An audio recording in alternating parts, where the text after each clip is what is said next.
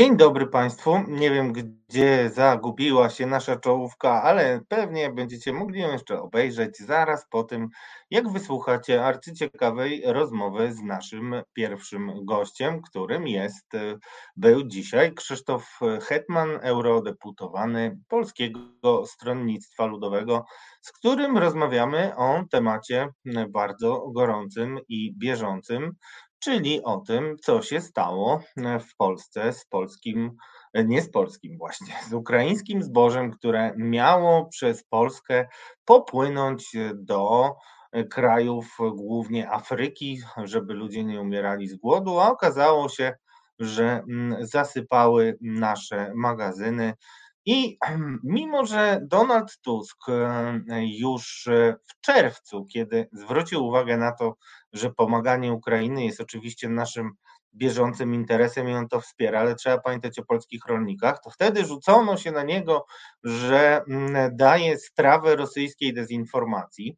E, jest to dzisiaj dość, bym powiedział, za kolegami i koleżankami e, z prawicy mm, paradne, albowiem Najpierw był wielki skowyt, jak to może Donald Tusk wpisywać się w ruską propagandę.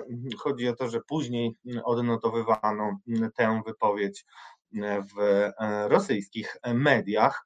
No, tylko problem polega na tym, że to prawda, aż się zatrzęsło wszystko, jak widzicie. I teraz mamy taką to dziwną sytuację, że no, przyzwyczajony do tego, y, że mm, kiedy już Tusk nie rządzi, kiedy rządził, było wina Tuska, a kiedy Tusk nie rządzi, to jest wina Unii Europejskiej, ewentualnie e, Komisji Europejskiej, bo mm, jak wiecie, za całe zło świata e, według Zjednoczonej Prawicy odpowiadają jacyś eurokraci. Także, drodzy Państwo, posłuchajcie tej rozmowy, a później będziemy rekonstruować, e, co tak naprawdę rząd komunikuje, dlaczego i czy jakakolwiek w tym logika e, i uczciwość się znajduje. Drodzy Państwo, słuchajmy rozmowy, a e, powrócimy po wywiadzie. Zapraszam.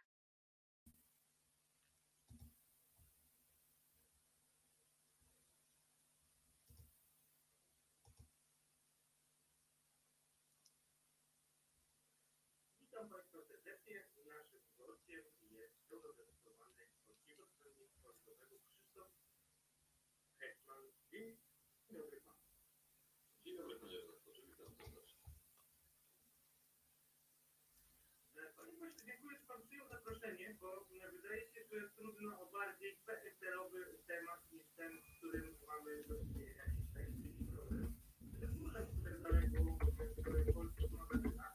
ale o rolnictwie wiele.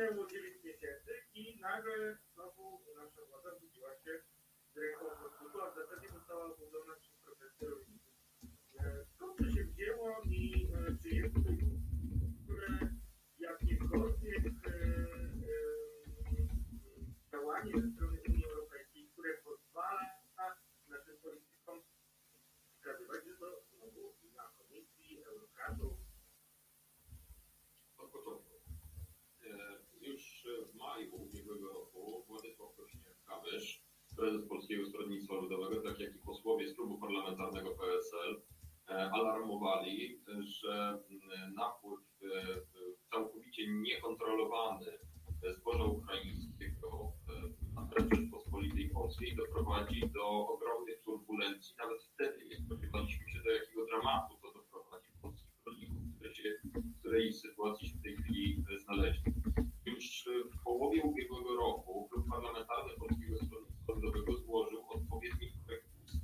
po tym, jak powiedział,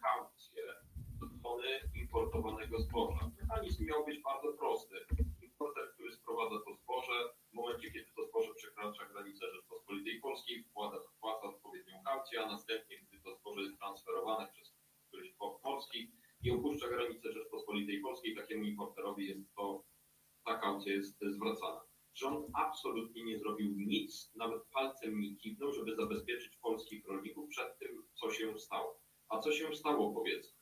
Stało się to, że poprzez właśnie absolutnie niekontrolowany napływ zboża do Polski zasypane są praktycznie rzecz biorąc wszystkie magazyny, wszystkie magazyny w Polsce. Polscy rolnicy nie sprzedali tonów z ubiegłego roku. Mało tego, gdyby chcieli nawet je dzisiaj sprzedać, ale nie mogą, bo nawet nikt nie przyjmie tego zboża, bo po prostu fizycznie nie ma miejsca.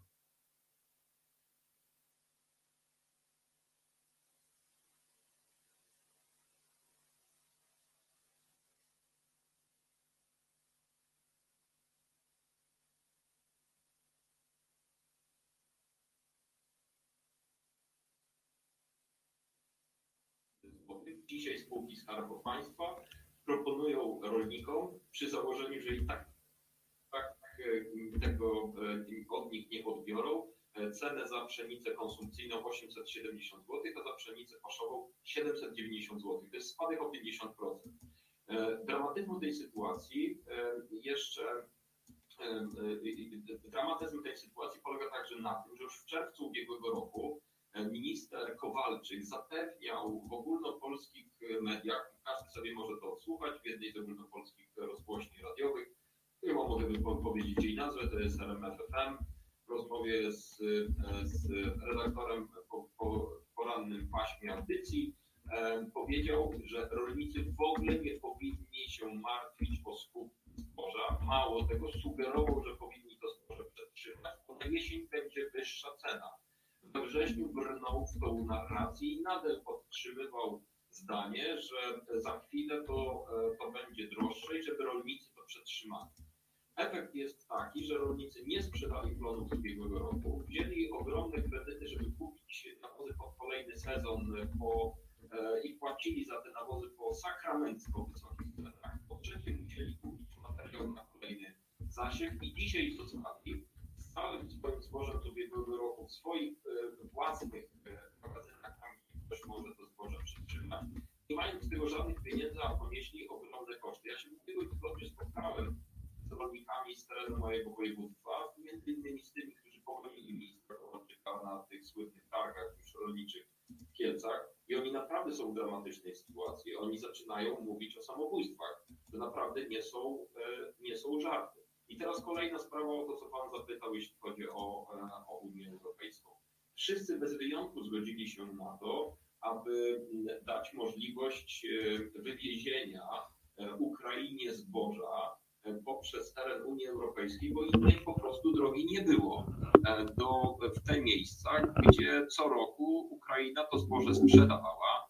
Mówiono wtedy o możliwości klęski głodu, na przykład w Afryce Północnej bądź w innych miejscach. Efekt jest taki, że przez nieudolność rządu premiera Morawieckiego to zboże wcale nie trafiło tam, gdzie powinno trafić, a zostało na terenie Rzeczpospolitej Polskiej. E, polscy rolnicy, e, polscy rolnicy nie mogą sprzedać swoich e, płodów, a niewykluczone, że może tam rzeczywiście dojść do, do klęski płodu. A problem narasta, jest coraz większy, ponieważ za chwilę zaczniemy nowy sezon, i zboże ukraińskie dalej będzie mogło wjeżdżać na teren Rzeczpospolitej Polskiej.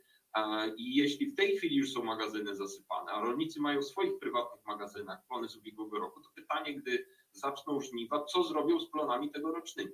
E, I wie pan, zwalanie winy dzisiaj na Unię Europejską, tak jak to słyszę ze strony rządu premiera Morawieckiego, to jest po prostu kpina. No, przyzwyczailiśmy się do tego E, ten rząd, jak e, czegoś zaniecha, e, coś źle zrobi, to zawsze winna jest ta Unia Europejska, a fakty są takie, że wiele osób alarmowało, Także Polskie Stronnictwo Ludowe, związki rolnicze alarmowały. My złożyliśmy odpowiedni projekt ustawy.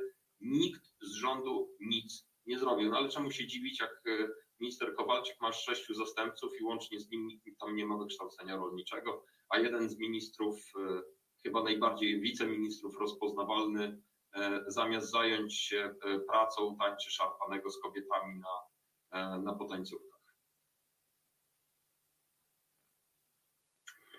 Panie pośle, ale w takim razie, no teraz już z nożem na gardle, ale jednak Zjednoczona Prawica zaczyna wychodzić z różnymi pomysłami. Nawet Janusz Kowalski, sam pan zwrócił uwagę, że sobie przypomniał o tym, że Unia Europejska istnieje. Jak pan ocenia tą jego propozycję i czy ona rzeczywiście nie jest spóźniona, czy to może być jakieś wyjście z tej trudnej sytuacji? Że to jest absolutny szczyt hipokryzji. Składanie wniosku dzisiaj przez wiceministra rolnictwa, e, który nie podjął żadnych, ale podkreślam, żadnych absolutnie działań, aby rolnikom pomóc i znaleźć rozwiązanie w tej sytuacji, kiedy, ta, ta, e, kiedy ten problem narastał. I, i dzisiaj, e, i, i dzisiaj mówienie o tym, że trzeba nałożyć natychmiast z powrotem cła na ukraińskie zboże, to jest szczyt hipokryzji, dlatego że to nie rozwiąże dzisiaj żadnego problemu, bo e, nie rozwiąże problemu tego zboża, które mamy na terenie Polski, które zasypało ma magazyny polskie i nie rozwiązuje problemu, że rolnicy nie mogą sprzedać zboża z ubiegłego roku. To może będzie rozwiązanie na e, kolejny e, sezon żniw, ale to nie rozwiązuje tego dramatycznego problemu, w jakim znaleźli się rolnicy. To po pierwsze. Po drugie, no, e, gdyby to nie było straszne, to byłoby śmieszne, że e, pan e, minister Kowalski, który mówiąc kolokwialnie, wiesza psy na Unii Europejskiej niemalże w każdej sprawie, teraz się ocknął i się zorientował, że ta Unia Europejska może w czymś pomóc, że w ogóle może podjąć jakieś działania. Szkoda, że dopiero teraz się zorientował i Szkoda, że w ogóle chyba się dopiero teraz zorientował, w jakim ministerstwie on w ogóle pełni funkcję, bo mam wrażenie, że do tej pory nawet nie miał świadomości tego, e, w jakim ministerstwie on pracuje i z, z jakiego ministerstwa on pobiera co miesiąc całkiem niezłą pensję.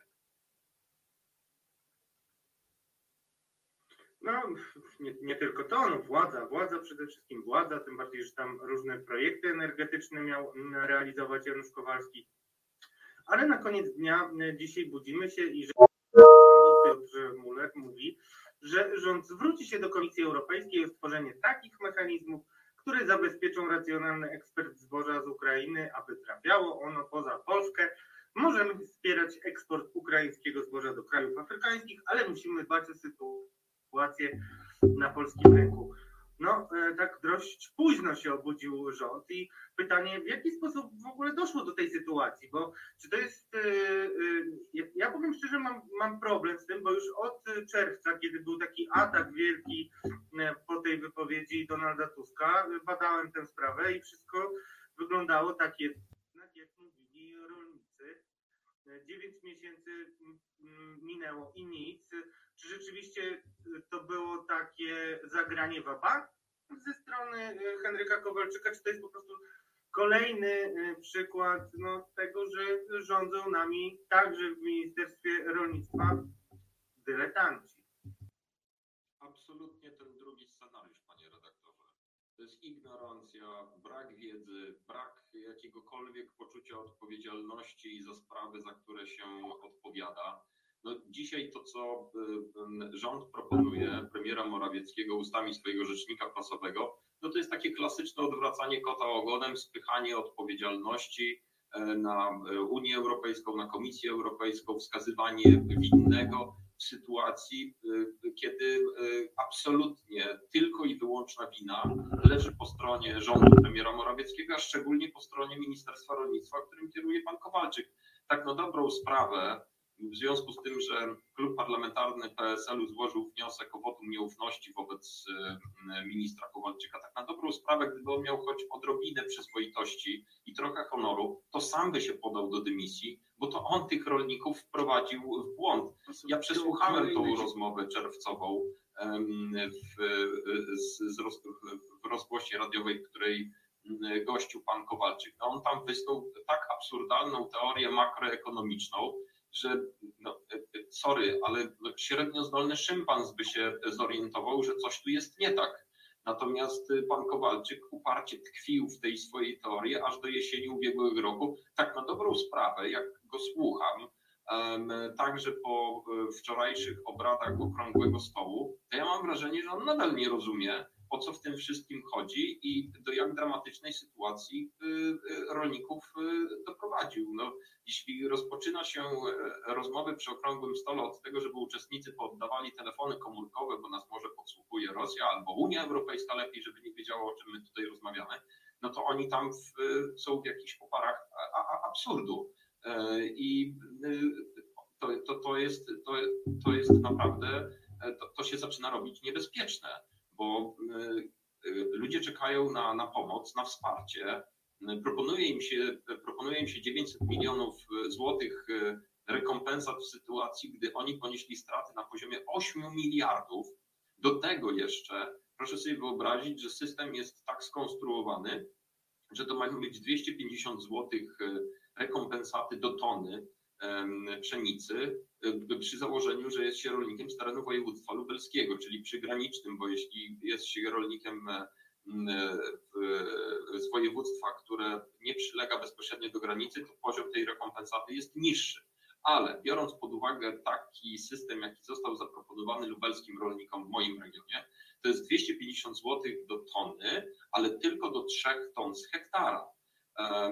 I to pokazuje też całkowitą ignorancję kierownictwa Ministerstwa Rolnictwa oraz jakikolwiek, e, e, znaczy najmniejszej wiedzy nie mają, ponieważ e, każdy u mnie na Lubelszczyźnie wie, że nasi rolnicy z jednego hektara zbierają od 8 do 9 ton, a proponuje im się rekompensatę do 3 ton z hektara. To co to oznacza? Że do 6 ton z hektara nie dostaną żadnej rekompensaty? Mało tego, jeszcze wprowadzają warunek, że tylko mm, do, e, dla gospodarstw do 50 hektarów, a jak ktoś ma 70-80 hektarów, to co? Dla tych 20-30 hektarów już rekompensaty nie dostanie?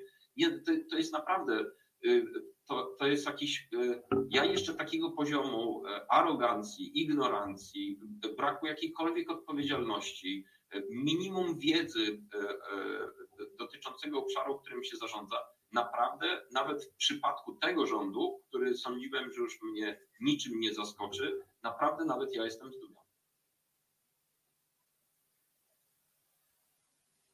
Dobrze, ale panie pośle, jakby pan mógł nam też wytłumaczyć, co tak naprawdę się stało, bo to, że przegapiła władza y, moment, kiedy powinna działać, to już wiemy, ale wtedy zapewniano nas, nie, wszystko będzie dobrze, tutaj są problemy transportowe, ale zaraz to zboże zacznie wyjeżdżać. No i nie wyjechało, Rozumiem, że e, największą winę e, w oczach rolników e, ponosi też Henryk Kowalczyk, bo mówił, że ceny pewnie będą wzrastać, żeby teraz szybko nie sprzedawać. W międzyczasie zapchało się miejsce, które było w magazynach, ale co tak naprawdę nie zagrało tutaj? Bo to zboże miało tylko przez Polskę przejechać i pomóc Afryce, żeby nie głodowała. Co się tak naprawdę stało gdzie tu jest ten e, e, błąd e, rządu i gdybyście wy rządzili, to jakbyście sobie chcieli, próbowali z tym poradzić? Przede wszystkim nie zagrało to, że nie było najmniejszej kontroli co do tego, ile tego zboża wjeżdża, bo tak naprawdę nikt nie wie, ile tego zboża wjechało na teren Rzeczpospolitej Polskiej. Znaczy, z tego, co mówi minister Kowalczyk, to nie jest w stanie podać dokładnych wartości ilości tego zboża, e, które wjechało na teren Rzeczpospolitej Polskiej. To dotyczy także rzepaku, to dotyczy także kukurydzy, więc to już pokazuje, że nie było najmniejszej kontroli już na granicy, gdy to zboże wjeżdżało e, na teren Rzeczpospolitej Polskiej. Drugi element jest taki, że nikt absolutnie nie reagował, no bo przecież jeśli to zboże wjeżdżało, to musiał być ruch, znaczy e, rura ma dwa końce, tak? Jeśli do rury z jednej strony to zboże wjeżdżało, to nikt w ogóle nie zwrócił najmniejszej uwagi, że po drugiej stronie rury to zboże nie wyjeżdża. A e, przecież to są proste mechanizmy i bardzo łatwo było to skontrolować i sprawdzić, bo mogło to tylko i wyłącznie przez porty morskie zostać dalej wyekspediowane dalej w świat, więc była prosta sprawa. Wystarczyło tylko sprawdzić, czy w którymkolwiek porcie, który jest do tego przystosowany, E, rzeczywiście ten załadunek zboża tam e, następuje i to zboże e, płynie drogą morską tam, gdzie, tam, gdzie na niego rzeczywiście czekają. Więc po pierwsze zagrał absolutny brak jakiejkolwiek kontroli. Po drugie, Jak pyta mnie pan, co można było zrobić, to już powiedziałem, 9 miesięcy temu klub parlamentarny PSL-u złożył projekt ustawy. On leży, on leży w polskim Sejmie u pani marszałek Witek. Trzeba było wprowadzić prosty mechanizm kaucji. Kaucji. To by rozwiązało od ręki sprawę. Każdy importer miałby e, e, e, zapłacić określoną kwotę do tony zboża, które sprowadza i ta kaucja byłaby mu zwrócona w momencie, kiedy udowodniłby, że to zboże wyjechało poza granice Rzeczpospolitej Polskiej. No, bardzo proste, skuteczne rozwiązanie, które można było wprowadzić. PiS to udowodnił. Można w jedną noc zmieniać ustawy różnego rodzaju, nawet dotyczące ustroju tego kraju, no to tym bardziej można było e, wprowadzić e, rozwiązanie dotyczące, dotyczące kaucji. Byłaby sprawa rozwiązana. Jakby taki importer e, chciał zostawić to zboże na terenie Rzeczpospolitej Polskiej, to by mu się to zwyczajnie nie opłacało, bo by utracił tą kaucję, więc nikomu by się nie opłacało po prostu tego zboża, tym zbożem zasypywać polskich magazynów. No naprawdę, no, to, to jest tak proste rozwiązanie, które można było wprowadzić z, na, z dnia na dzień, że teraz trzeba sobie zadać tylko jedno pytanie. Komu w takim razie zależało na tym, żeby nie wprowadzać żadnej kaucji, żeby nie podejmować żadnych kontroli, żeby zaniechać jakichkolwiek działań? No bo ktoś w tej sytuacji na tym zarobił. Poszkodowani najbardziej są polscy rolnicy, ale ktoś na, na sprowadzaniu tego taniego ukraińskiego zboża E, zarobił grube pieniądze. No właśnie, to może rzeczywiście powinno być przedmiotem dziennikarskiego mam nadzieję, że koledzy, którzy są w tym temacie biegli, tego nie zostawią. Ale pana jeszcze chciałem spytać o, że tak powiem, klimat brukselski, a dokładnie o działalność Janusza Wojciechowskiego, bo to przecież on, o czym PiS mówi rzadko, kiedy są jakieś problemy, jest komisarzem, który zajmuje się rolnictwem. E, czy z jego strony jest jakiś brak współpracy? Czy on uważa, że ten problem tak naprawdę jego jako komisarza nie dotyczy, czy może to po prostu są jakieś zupełnie inne uwarunkowania, o których nie wiemy, bo widać już nie pierwszy raz, że no, PiS tak do końca chyba nie może liczyć na e, bardzo dużą aktywność Janusza Wojciechowskiego, a czasami ja mam nawet takie wrażenie, że e, Janusz Wojciechowski nie jest w stanie różnych e, bardzo dziwacznych stanowisk popierać, więc woli stać z tyłu. Czy jego rola w rozwiązaniu E, tego kryzysu e, może być istotna, czy powinniśmy e, patrzeć właśnie w jego stronę jako na, na człowieka, który z Polski powinien sytuację Polski najlepiej rozumieć. To po pierwsze jest słaby komisarz, który nie ma autorytetu tutaj. To po pierwsze. Po drugie, byłbym zdumiony, gdyby miał jakiś problem komunikacyjny ze swoimi partyjnymi kamratami, no bo przecież to jest były członek Prawa i Sprawiedliwości, a większość parlamentarna dzisiaj, rząd, e, który tworzy e, pan, e, utworzył pan premier Morawiecki, no w większości składa się z członków Prawa i Sprawiedliwości. Pan minister Kowalczyk jest członkiem Prawa i Sprawiedliwości. Więc byłbym zdumiony, gdyby mieli jakiś problem komunikacyjny. No to byłaby kolejna kompromitująca dla nich sprawa.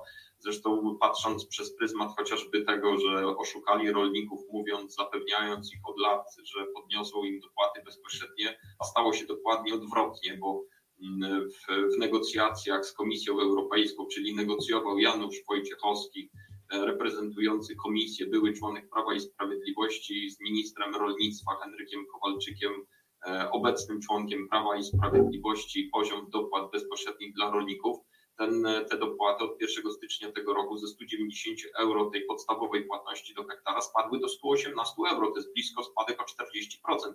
A chyba wszyscy pamiętają, co ci panowie obiecywali przez ostatnich co najmniej 10 y, lat. Nie wiem, co, jakie musieliby mieć jeszcze lepsze warunki, żeby spełnić swoje obietnice, niż to, że po dwóch stronach y, negocjacyjnego stołu siedzą, y, siedzieli obecny członek PiSu i były członek to y, natomiast jeśli chodzi o mm, e, pana komisarza Wojciechowskiego, to oczywiście wina także jest po jego stronie, ponieważ on także był tutaj alarmowany przez nas, przez posłów do Parlamentu Europejskiego z Polskiego Stronnictwa Ludowego. Pisaliśmy do niego. Ja zabrałem głos na sesji plenarnej w jego obecności w lutym tego roku w Strasburgu, mówiąc o tej dramatycznej sytuacji rolników i apelując, aby podjąć działania wsparcia i pomocy dla nich, no to dzisiaj słyszę, że takim osobom jak ja pani minister Moskwa chce e, odbierać e, paszporty, a pan minister Czarnek popiera opinię jakiejś pani ze spotkania, że nawet trzeba było odebrać obywatelstwo tym, którzy nie zgadzają się z rządem premiera Morawieckiego i mówiąc w cudzysłowie, donoszą tutaj e, w Brukseli. No, jeśli mam, mam być zabrany paszport za to, że będę się upominał o polskich rolników właśnie tutaj w Brukseli, ponieważ rząd, który powinien dbać o ich interesy, nie robi nic dla nich, no to trudno, no, ale nie, nie dam się zastraszyć, nikt mi tutaj ust nie zamknie i nadal będę tutaj wraz z moimi kolegami e, e, robił wszystko i mówiąc w cudzysłowie, donosił o e, sytuacji dramatycznej polskich rolników, w której się znaleźli. W związku z powyższym e, widać wyraźnie, że pomimo wiedzy, którą posiadał komisarz Wojciechowski, nic z tym nie zrobił, bo mógł z ramienia Komisji Europejskiej mógł z ramienia Komisji Europejskiej pokusić się o utworzenie tych korytarzy tak zwanych solidarnościowych, aby to zboże rzeczywiście wjeżdżając na teren Unii Europejskiej po chwili z niej, z, z terenu Unii Europejskiej wyjechało. Po drugie, proszę sobie wyobrazić, że komisarz Wojciechowski tutaj wydreptał, a to pokazuje jego słabość i to, jaki ma tutaj autorytet, wydreptał całe 29 milionów euro, 29 chyba i pół miliona euro, no niech będzie 30 30 milionów euro wsparcia dla rolników poszkodowanych przez, e, przez ten niekontrolowany napływ polskiego zboża. I proszę sobie wyobrazić, że te 30 milionów euro to jest na trzy państwa. Na trzy państwa, to nawet nie jest tylko dla polskich rolników. 30 milionów euro, nawet zaokrąglając kurs euro, niech to będzie te 140 milionów złotych. Przypomnę, że straty rolników tylko na rzepaku, tylko na pszenicy i kukurydzy to jest 9 miliardów, 8 miliardów złotych, a jak szacują eksperci, jeśli chodzi o wszystkie zboże, bo przecież jeszcze jest jęczmień i inne, to jest 17,5 miliarda. A pan Janusz Wojciechowski wydreptał tutaj swoim autorytetem całe 30 milionów euro, czyli 140 milionów złotych versus 8 miliardów strat tylko na trzech e, produktach. No to ładnie sobie policzyć, ile brakuje. Mm, dość łatwo jest, trzeba powiedzieć, ale czy, my, czy ja dobrze rozumiem i czy też można to tak stawiać, że mamy trochę schizofreniczną sytuację i ze strony e, rządu, bo z jednej strony rząd zwraca się do komisji i mówi, że natychmiast trzeba wprowadzić, no Zbigniew Ziobro proponuje tak, akurat wiadomo, że mamy dwa rządy, mamy taki mniejszy rząd Solidarnej Polski, trochę większy Morawieckiego, wcale nie znaczy to, że ten większy jest ważniejszy, ale y, mówiąc zupełnie poważnie, no, y, polska strona zwraca się do Komisji Europejskiej, gdzie właśnie będzie się tym zajmować jej komisarz. No to czy to nie jest schizofreniczne podejście czy, y, i czy to nie jest dobre paliwo wyborcze dla takich partii jak PSL, czy jak konkurujące z wami Agrounia, bo te nastroje były średnie. Czy to jest temat, który może e, pomóc e, mm, opozycji przejąć władzę e, i czy może być właśnie przedmiotem no, kolejnych ciosów w stronę rządu, który ma taką schizofrenię i jakoś mimo takich różnych bardzo karkołomnych figur, które wykonuje, no utrzymuje się poparcie mm, dla niego, a wiadomo, że też fundamentem tego poparcia jest też polska wieś. Mm, nie znajdzie pan nikogo w Polskim Stronnictwie Ludowym, kto cieszyłby się z tej sytuacji i chciał e, e, budować e, swoją przewagę konkurencyjną na scenie politycznej w Polsce, szczególnie wobec PiSu, na nieszczęściu ludzi. Naprawdę, nikogo pan nie znajdzie w Polskim Stronnictwie Ludowym.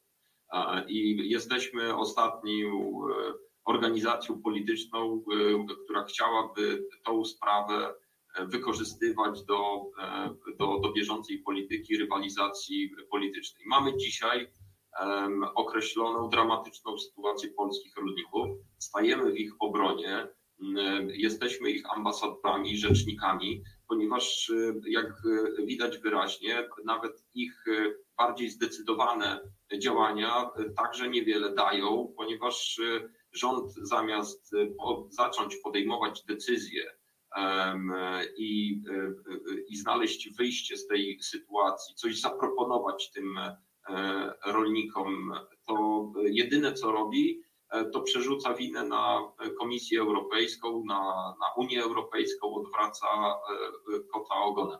To, że jest ten temat obecny w bieżącej polityce, to jest to oczywiste, ponieważ tego typu sytuacja której ludzie wychodzą i blokują ulice, blokują przejścia graniczne w taki, a nie inny sposób w związku ze swoją desperacją muszą zamiast pracować w swoich gospodarstwach, muszą jeździć za ministrem Kowalczykiem, żeby dać mu bezpośrednio wprost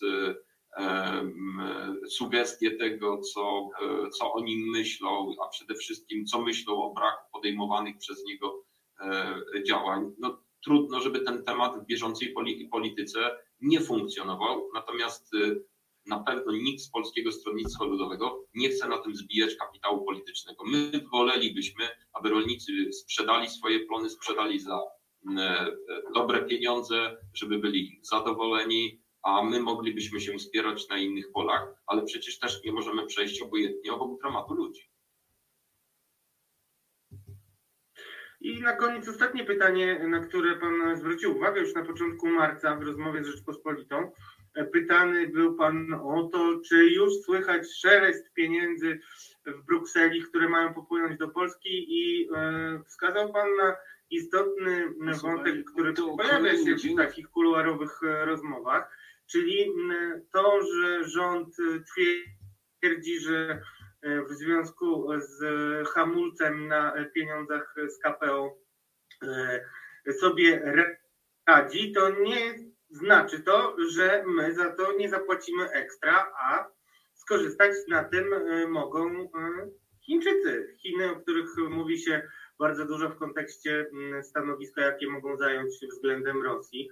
E, mogą zarobić e, na tym, że rząd e, klajstruje to, czego nie umie uzyskać ze względów na polityczne wojenki w Polsce. Czy rzeczywiście może być tak i czy mamy szansę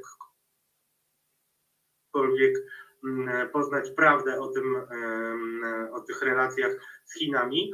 że rząd korzysta z jakichś kredytów chińskich, żeby móc te pierwsze projekty z KPO e, sfinansować, podczas gdy, oczywiście to podkreślajmy, mógłby mieć bezzwrotne e, e, pożyczki, tak? A tutaj oprocentowanie wiadomo, że sięga nawet 8-10%. Czy to czy jest jakaś szansa, że poznamy prawdę, bo dużo się o tym mówi, a rząd jest bardzo szczelny, jeśli chodzi o informowanie, jak to wygląda. Polacy mają prawo zadawać pytanie i mają prawo wiedzieć, e, skąd e, rząd premiera Morawieckiego pozyskuje pieniądze. No bo jeśli premier Morawiecki chwali się, że e, radzi sobie bez krajowego planu odbudowy i środków europejskich, ponieważ um, uruchamia jakieś konkursy związane z KPO, a nawet realizację różnego rodzaju inwestycji, no to trzeba zadać pytanie, skąd są pieniądze na te inwestycje. No bo y, wiemy y, doskonale, że budżet państwa zadłuża się w niemiłosiernie szybkim tempie. Ogromna część zadłużenia jest wyprowadzana poza budżet państwa, poza kontrolę parlamentarną. E, I w związku z powyższym powstają uzasadnione pytania, skąd są te pieniądze na tego typu działania. E, gdzie te pieniądze rząd pożyczył. Czy przypadkiem ich nie pożyczył w chińskich bankach? A jeśli tak, to na jakie oprocentowanie? Bo biorąc pod uwagę chociażby emisję papierów, wiemy doskonale, że to może być nawet 8-9%. W sytuacjach, pan słusznie zauważył, w przypadku środków europejskich, gro tych pieniędzy to są dotacje bezzwrotne, bezzwrotne, czyli nic nas nie kosztują, a część tych środków tak jak w przypadku wszystkich innych państw członkowskich, jeśli chodzi o ten nowy instrument y, zbudowany przez Komisję Europejską o nazwie Fundusz Odbudowy, poprzez którego z tego, z, tego są, z tego funduszu są finansowane właśnie krajowe plany odbudowy, tak jak w przypadku między innymi Polski. Są tam także pożyczki, uwaga, na 1%. Na 1%. Więc trzeba zadawać te pytania i Polacy mają prawo wiedzieć, skąd e, rząd e, ma pieniądze na te inwestycje i te konkursy, o których się chwali, jednocześnie nie korzystając e, z większości środków europejskich, które, że tak powiem, są całkowicie darmowe bądź pożyczone na 1%. No cóż, powiem tylko, że chętnie bym przyklasnął, bo po prostu trudno kwestionować to, co Pan mówi. Ja też w Resecie Obywatelskim w tym programie bez wyjścia bardzo e, to akcentujemy, że e, panaceum na problemy z Unią mogły być Chiny, a kosztuje to bardzo konkretne pieniądze. Naszym gościem był Krzysztof Hetman, eurodeputowany Polskiego Stronnictwa Ludowego. Bardzo dziękuję Panu za rozmowę.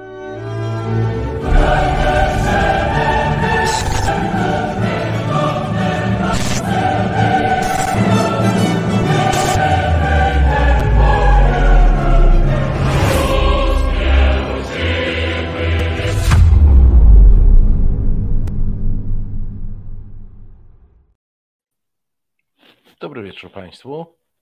Dobry wieczór Państwu jeszcze raz. Dobry wieczór Radosławie. Dobry wieczór Marcinie. Miło Cię widzieć. No, z jaką wzajemnością. Cieszę się bardzo. Marcinie. To jest, proszę Państwa, program bez wyjścia, tak informacyjnie. I dlatego tu żeśmy się e, pojawili. E, po tej rozmowie, którą Radek przeprowadził z panem posłem Hetmanem, szczególnie po tym mocnym chińskim e, finiszu, państwo nabrali, jak czytam na czacie, różnych wątpliwości, to ja tylko tytułem uzupełnienia a propos tego, czy powinniśmy wiedzieć, z czego to jest finansowane, nie powinniśmy. No powinniśmy, proszę Państwa, tylko że mm, optymiści twierdzą, że mniej więcej 45% środków publicznych przechodzi przez budżet, czyli jest jawne i pod kontrolą e, parlamentarną. E, pesymiści, że 20%. Nie wiem, jaka jest prawda, bo nikt nie wie, jaka jest prawda. E, mamy natworzone tyle specjalnych funduszy, w których już się chyba nikt nie orientuje, że być może w którymś z tych funduszy albo w kilku jakieś środki z dziwnych źródeł są. Natomiast my tego nie wiemy, ponieważ e, no, to, co znamy, to znamy budżet. A jeszcze raz powtarzam, to jest tylko część środków publicznych wydawanych. Więc tu mamy obiektywny problem z dowiedzeniem się, jak to jest. Oczywiście pytanie, czy nasi rządzący e, wiedzą, jak to jest, bo to też nie jest takie e, oczywiste. Tu jest jeszcze jedna kwestia z tym zbożem. E, niektórzy posłowie próbowali się dowiedzieć, czy zboże, które miało być z założenia tranzytowane przez Polskę, ewentualnie czasowo składowane z racji tego, że infrastruktura komunikacyjna nie potrafi. No, mamy e, infrastrukturę komunikacyjną mamy taką, jaką mamy, i ten transport naraz byłby trudny, więc miało być ewentualnie składowane. Niektórzy próbowali się dowiedzieć, czy ono w ogóle zostało zaewidencjonowane i czy sprzedaż tego zboża także podlegała ewidencji i na przykład, no powiem brzydkie słowo, fiskalizacji bo e, oczywiście e, rolnicy w Polsce podatków nie płacą e, i jeżeli jest sprzedawane zboże czy w ogóle produkty rolne wytworzone w Polsce, to one bardzo często nie są fiskalizowane po prostu, jeżeli sprzedaje bezpośrednio rolnik, no ale już coś, co jest importowane, powinno być i zaewidencjonowane, i sfiskalizowane, no i tutaj znowu nie znamy odpowiedzi. E, zatem też nie wiemy, czy kwestia zboża ukraińskiego e, to jest kwestia masowa, czy niemasowa? No tego po prostu nie wiemy, bo sama kwestia cen na zboże jeszcze nie mówi nam wszystkiego o podaży. Skąd ta podaż e, jest i czy jaki procent w tej chwili w obrocie, choćby tej pszenicy, która stała się e, symbolem, jaki procent z, z, obrotu pszenicy to jest e, pszenica polska, a, jaka, a jaki procent to zagraniczny. No i to jest, proszę Państwa, chyba podstawowe, podstawowa odpowiedź na większość pytań. E, rząd po prostu nie wie. E, tak jak nie wiedział, o czym wspominaliście, że może być problem, tak dzisiaj nie wie, że jest problem, a i moim zdaniem nie reaguje na problemy realne, tylko reaguje, reaguje na protesty rolnicze. I stąd się zaczął ruch w interesie i oczywiście narzekanie na Unię Europejską, bo to Unia Europejska, proszę Państwa, jest odpowiedzialna za to, że rząd Morawieckiego nie ma wiedzy, co się dzieje na terenie Rzeczypospolitej z towarami. Będziemy o tym e, rozmawiali, bo też e, premier nie jest w ciemię bity i montuje nową koalicję, bo tak z Węgrami to tak nie bardzo na temat i trochę już tacy jednak ten e, zapaszek się unosi, więc e, premier znalazł sobie innego koalicjanta, który pomaga mu zresztą wrócić do jego nieśmiertelnej utopii, e, czyli tak zwanego Trójmorza, o czym będziemy rozmawiać jeszcze w przeglądzie Polexit Newsów. No ale słuchaj, przy tym Trójmorzu to ja się zawsze zastanawiam, dlaczego oni e, są tacy zachowawczy. Bo przecież można by było e, budować Trójmorze w takim trójkącie Morze Południowochińskie, Ocean Arktyczny, e, Ocean Indyjski. To by było Trójmorze na miarę PiSu. Nie no, Marcin, bo ty jakby nie znasz trendów chyba, ale mm, Obawiam się, że Jacek Żalek pracował nad takim projektem, bo kabel miał iść właśnie mniej więcej. A do, dookoła świata miał być. Tak, tak, tak. To super kabel polski, jedyny, najfajniejszy za 120 Narodowy milionów. kabel, który by opasał Narodowy, e, tak. e, kulę ziemską. No widzisz, czyli ja współbrzmię. E, kabla, proszę Państwa, nie będzie, ale kasa, ale kasa się zgadza. No dobrze, to od czego zaczniemy naszych, nasz przegląd? E, znaczy, ja proponuję e, zacząć właśnie e, od Mateusza Morawieckiego. Jak się pan Mateusz zachowywał w stosunku do tego, co, do czego zmusili go, jak działał zmuszony przez rolników. I to jest bardzo ciekawa mm, sytuacja. Mm, wysłałem też e, taki screen, e, droga Izo, e, w mailu. Koalicja z Rumunią, choć Tusk ostrzegał w czerwcu. I tutaj, drodzy Państwo, mm, Polska Agencja Prasowa, zawsze gotowa, napisała dokładnie 28, czyli dwa dni temu, we wtorek, premier znalazł koalicjanta w Bukareszcie, ponieważ yy, oznajmił za pośrednictwem papu, że Polska i Rumunia wspólnie walczą, by ukraińskie zboże wyjeżdżało z naszych krajów. I jak to argumentował? Polska i Rumunia wspólnie walczą, żeby ukraińskie zboże, które trafia do naszych krajów, wyjeżdżało z nich. Walczymy też o to, żeby Unia Europejska skutecznie pomagała nam w realizacji tej polityki handlowej. No, ciekawe, ciekawe. E, ja przypomnę wszystkim Państwu, że e, ta komisja, do której będzie się odwoływał mm, Mateusz Morawiecki, to jest ta sama komisja, nie ma żadnej innej. Ta sama komisja, w której komisarzem do spraw rolnictwa no jest. No właśnie, kto tam jest komisarzem do spraw rolnictwa? No właśnie on ostatnio jakby nie jest często przywoływany przez polityków. Ale czekaj, PiSu, czy z jakiej on, on, jest, on jest z platformy, ten, ten Janusz, tak?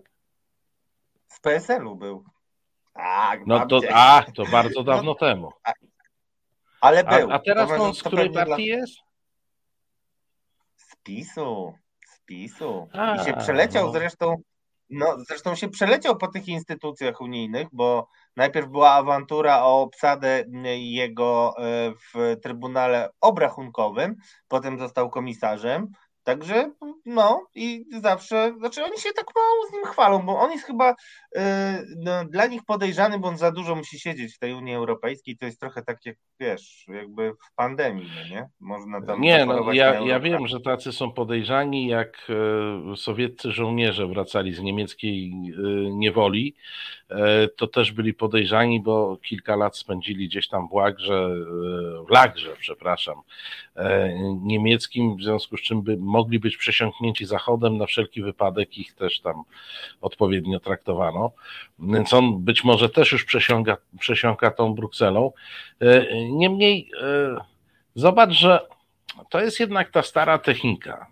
Technika, która, e, która cały czas powtarza, się, nie dość, że się powtarza, to jeszcze odnosi efekt. Otóż mm, rząd zrobił pewien problem bo to jest znowu rozwiązywanie e, problemu, które samemu się stworzyło, bo tam jakieś pomysły były różne, a to kaucje, a to jakieś inne zabezpieczenia, a na dzisiaj to wygląda na to, że nie mamy bazowej ewidencji, żeby chociaż wiedzieć, do kogo powinniśmy mieć pretensje e, w tej sprawie. Więc rząd sobie stworzył problem i teraz co robi nasz ulubiony premier? Unia Europejska weź nas uratuj, daj nam tutaj jakoś złotówę albo siedem złotówek. On żąda. Tak. No, e, on tu żąda. 30 baniek, tam 80 żąda. baniek, tu 10 baniek e, e, i, a oczywiście do nas idzie, no słuchajcie, no, Unia Europejska nam to zrobiła, naprawdę. To my byśmy bardzo chcieli, chcemy aby, mm. ale Unia Europejska zupełnie nie. No, wymarzony kandydat na polexitowca w tym tygodniu. No nie wydaje wiem, czy się się, że po prostu jemu się to należy. Jemu się to po prostu należy. Ale y, wiesz co, no, on będzie takim, ewentualnie jak, jak Państwo go wybierzecie, to on będzie takim polexitowcem z dwoma kłoskami tutaj. Ale znaczy, nie no, no, ja chcę jeszcze jednak wzmocnić niestety Twoją argumentację. Jak zwykle pro bono działam na własną szkodę, bo mój kandydat również jest zacny i dawno już e, nie występował w naszym wspaniałym programie. Ale muszę Państwu powiedzieć o tym wspaniałym polsko-rumuńskim sojuszu, bo on naprawdę zacnie został ogłoszony i komunikowany. E, no, e, posłuchajcie. E, mówiąc o kwestii ukraińskiego zboża, Morawiecki powiedział, że, i tutaj mamy cytat, wspólnie walczymy tutaj o to, żeby to zboże wyjeżdżało, żeby Unia skutecznie pomagała nam w realizacji polityki handlowej, która leży w najlepszym interesie strategicznym Ukrainy, a więc i Europy Środkowej, ale także w najlepiej rozumianym interesie gospodarczym Polski i Rumunii. To kolejne wyzwanie, z którym Polska i Rumunia mierzą się w identyczny sposób. I teraz uwaga. Jak dodał, jednobrzmiący głos Polski i Rumunii na forum Unii pozwoli najlepiej realizować interesy obu państw. I teraz uważaj, bo my tutaj mamy prawie kopernikański przewrót w naszych relacjach. Bardzo się cieszę, że te pierwsze 25 lat, gdzie za bardzo ze sobą konkurowaliśmy o kapitał, względy innych, jak najlepszą politykę gospodarczą, względy bezpieczeństwa, że ta polityka pierwszych 25 lat po transformacji została zastąpiona dzisiaj polityką współpracy. Oby tak już zostało, powiedział Morawiecki i jeszcze na wszelki wypadek zostawił takie mini zaprzeczenie, no bo wiadomo, że to jest człowiek, który potrafi sobie samemu zaprzeczyć i jeszcze się potem pięknie uśmiechnąć. Powiedział tak: Oczywiście do pewnego stopnia konkurujemy, ale przede wszystkim powinniśmy współpracować. I teraz zagadka dla Ciebie, Marcin. Powinniśmy współpracować, bo nasze interesy są w 97% wspólne. Siedmiu? No. I tak, w Unii dużo więcej usiągniemy, jak będziemy działać razem, żeby walczyć o nasze interesy gospodarcze, rozwój infrastruktury północ-południe. Mi to pachnie właśnie jeszcze e, Trójmorzem, ale te 97%, A ja powiem, że, Marcin, ty jako... starszy, ale mądrzejszy. No. Słuchaj, no właśnie, jako, jako starszy robiący za dziadersa tutaj, mm, to tak sobie szybko przeliczyłem, że był taki rząd e, w Polsce, który też uważał, że z Rumunią jesteśmy zbieżni w 97%, do tego stopnia, że założył, że będzie działał na emigracji z Rumunii i został internowany. Nie wyszło. Grubo pojechałeś, ci powiem. No nie, ale wiesz, bo, bo to są takie. Znaczy, są nam ciągle sprzedawane marzenia. No, podobno polityka jest e, e, takim e, zawodem, w którym się sprzedaje marzenia. Tylko, że wiesz, no te, te marzenia powinny mieć jakiś taki bazowy, choćby najmniejszy, choćby trójprocentowy, te 97% odłóżmy, choćby 3% szans na realizację. A u nas są ciągle takie myślenie życzeniowe w 100%. Oczywiście, że przytrafia nam się wspólny interes z Rumunią. Oczywiście, że ja uważam, że Rumunia jest e, w, w, tej naszej polityce zagranicznej od lat niedoceniona i to dotyczy nie tylko PiSu, bo to jest drugie co do wielkości państwo e, w tym regionie. E, druga co do wielkości pomoc z tego regionu Ukrainie, więc to, to jest. Oczywiście to jest państwo takie które e, kiedyś tam zawsze mówiliśmy z satysfakcją jakąś taką e, niezbyt zdrową, że ma swoje problemy, ma swoje problemy. No ale proszę Państwa, od paru lat to my naprawdę nie możemy innym wytykać, że mają jakieś problemy, bo my też mamy bardzo poważne e, problemy. Natomiast to jest jakaś kolejna konstrukcja, którą Morawiecki chce pokazać, że po pierwsze, nie jesteśmy międzynarodowym pariasem, a jesteśmy. E, że mamy jakiś kumpli. E, no i z, z, racji tego, że ten nasz jedyny kumpel, który nam na świecie został, to jest jednocześnie bardzo duży kumpel pana Putina, no to Morawiecki szuka teraz jakiegoś kumpla, który nie byłby kumplem pana Putina, e, padło na e, Rumunię. Natomiast ten, ten wirtualny świat myślenia życzeniowego, ten wirtualny świat nieustannego opowiadania kocopałów, no bo to, tego się inaczej e, nie da nazwać, to jest polska rzeczywistość, e, w której my się obracamy, mało tego, co gorsza, o niej dyskutujemy. No tak to wygląda. No dobrze, y, no już tak pięknie rozrobiliśmy pierwszego kandydata, to dajmy też młodym przemówić, y, bo mają dużo powiedzenia. Młodych nie nadzieja. Na temat... Ja słyszę od zawsze, nie, że... Nie, nie, nie. Nie że, że młodzi zmienią nie. E, Proszę, oblicze polityki, zmienią, zmienią oblicze ziemi, tej ziemi. Dawaj tego młodego do zmiany oblicza ziemi, tej ziemi. Dokładnie. E, słuchajcie, moim kandydatem jest Patryk Jaki. Patryk o, Jaki, bardzo dobrze e, zapowiadający się młody polityk. Wspaniale. Znaczy on, on jest, nawet wiecznie młody, wymarzony... forever young bym powiedział. Tak. No ale mm, pozwolił sobie naprawdę na mm, zwrócenie mojej uwagi, ponieważ oznajmił, jakie są wartości europejskie jego zdaniem, takie wyciągnął wnioski, mm, zaraz wam powiem z czego, i powiedział tak: podwójne standardy, rasizm, cenzura to nie są wartości europejskie, to jest komunizm, który wy wyznajecie. I o czym on mówi? E, bo tak naprawdę on mówi o wartościach europejskich e, i chodzi dokładnie o raport o praworządności, e, który przegłosowano w parlamencie dzisiaj europejskim. I Patryk Jaki e, bije e, na alarm e, i pisze na Twitterze tak. Parlament Europejski głosami polskiej opozycji przegłosował właśnie roczny raport z wezwaniem kolejnych sankcji na Polskę. Nasi obywatele rzekomo nie wyznają, tutaj cudzysłów, właściwych wartości. Jakich? Polecam, napisał Jaki na Twitterze i w nagraniu dołączonym do wpisu wymienił pięć wartości, które jego zdaniem którymi jego zdaniem kieruje się Europarlament. Uwaga, wartość numer jeden, podwójne standardy. Otóż Polskę chcecie karać sankcjami, bo ma rzekomo upolityczniony sposób wyboru sędziów. Tymczasem w Polsce wybiera się sędziów tak samo jak w Hiszpanii czy w Niemczech, ale tam można, tu nie. Tyle razy o tym rozmawialiśmy, że chyba nie warto tego komentować, Marcinie. Wartość druga. Rasizm. Uwaga.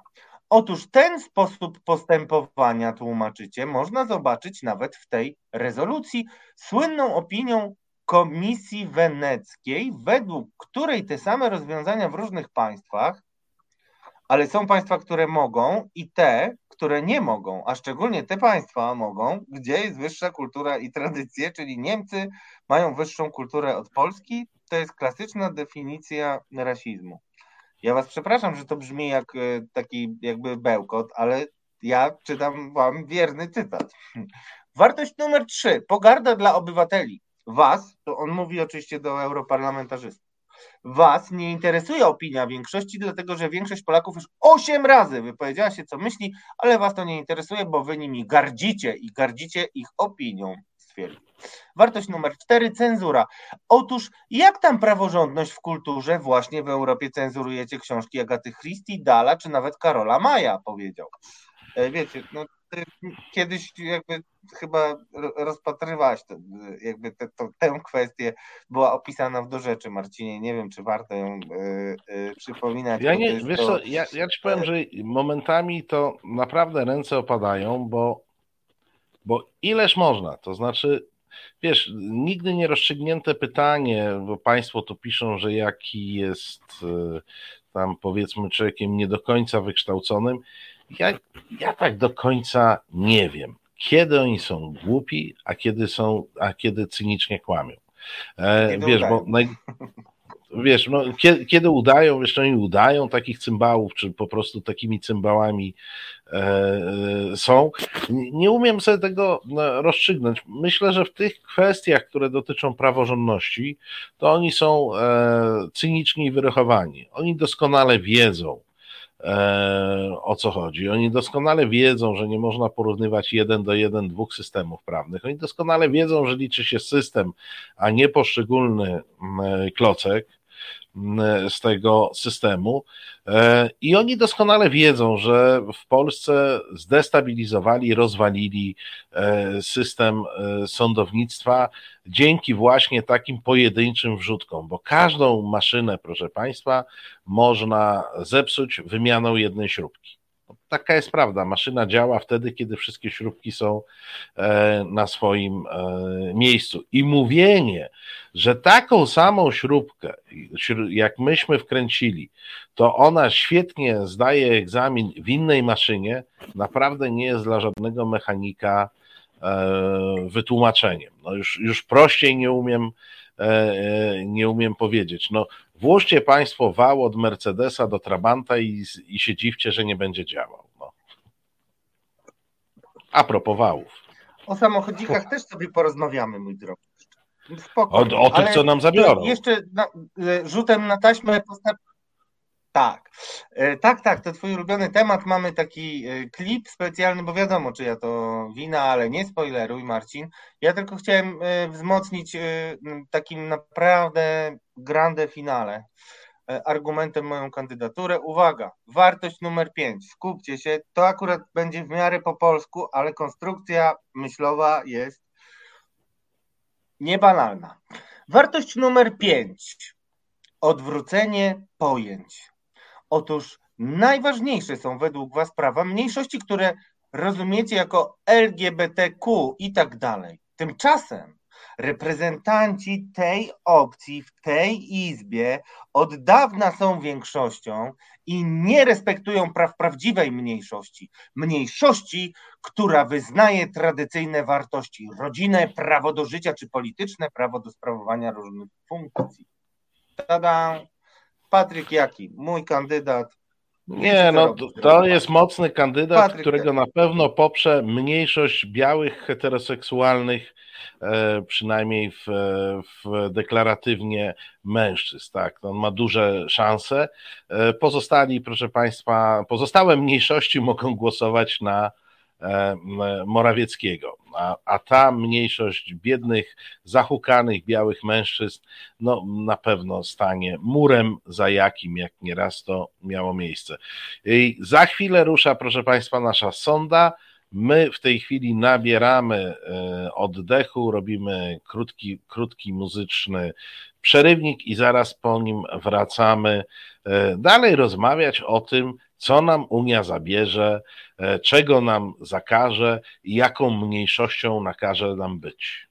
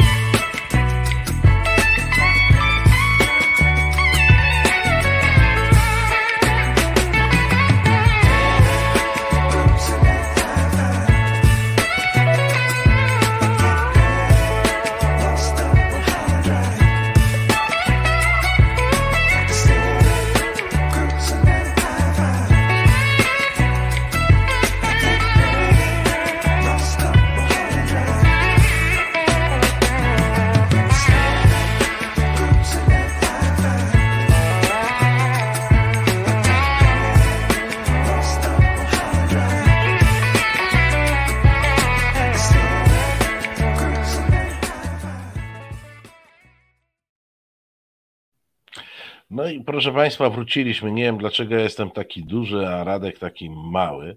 E, o, właśnie, teraz coś zróbmy.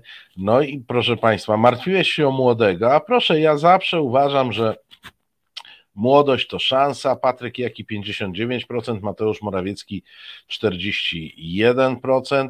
E, zatem młody trzyma się nieźle, a my mamy tutaj łatwe potwierdzenie, że wśród naszej publiczności, naszych e, resetarianek i resetarian, to jednak ta mniejszość e, heteroseksualnych, deklarujących się jako heteroseksualni białych mężczyzn e, nadal rządzi.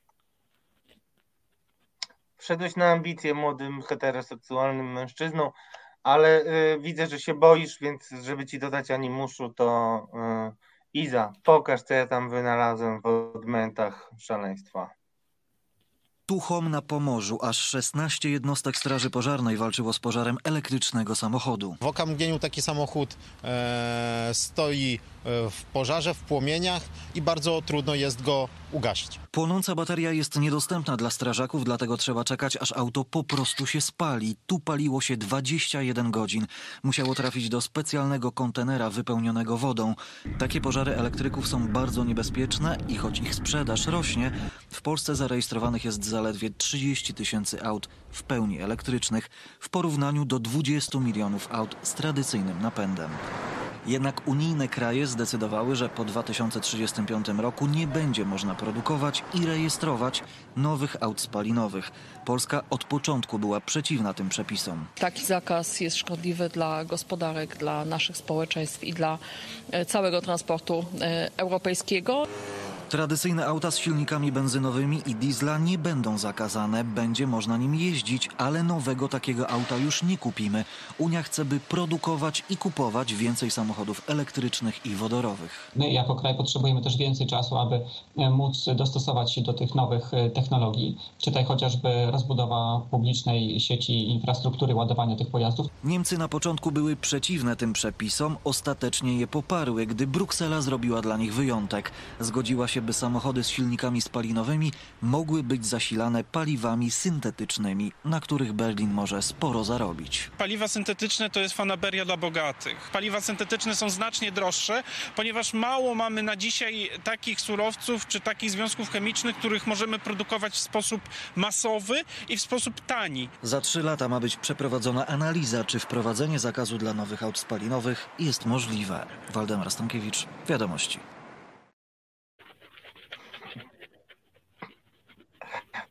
Marcin, the floor is yours. Ale dobry był ten, podpa- ten spalony, palący się tam ileś godzin samochód, to, to no, to naprawdę chyba tam Kurski zajrzał, no. nich. Słuchaj, ja ci powiem tak.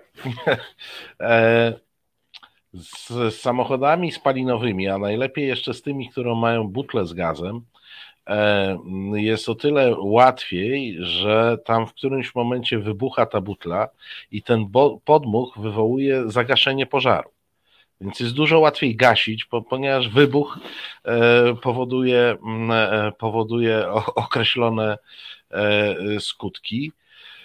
E, natomiast nie, wiesz, to, to jest takie znowu stawianie przed i, i próba skomentowania czegoś, co jest zupełnie niepoważne.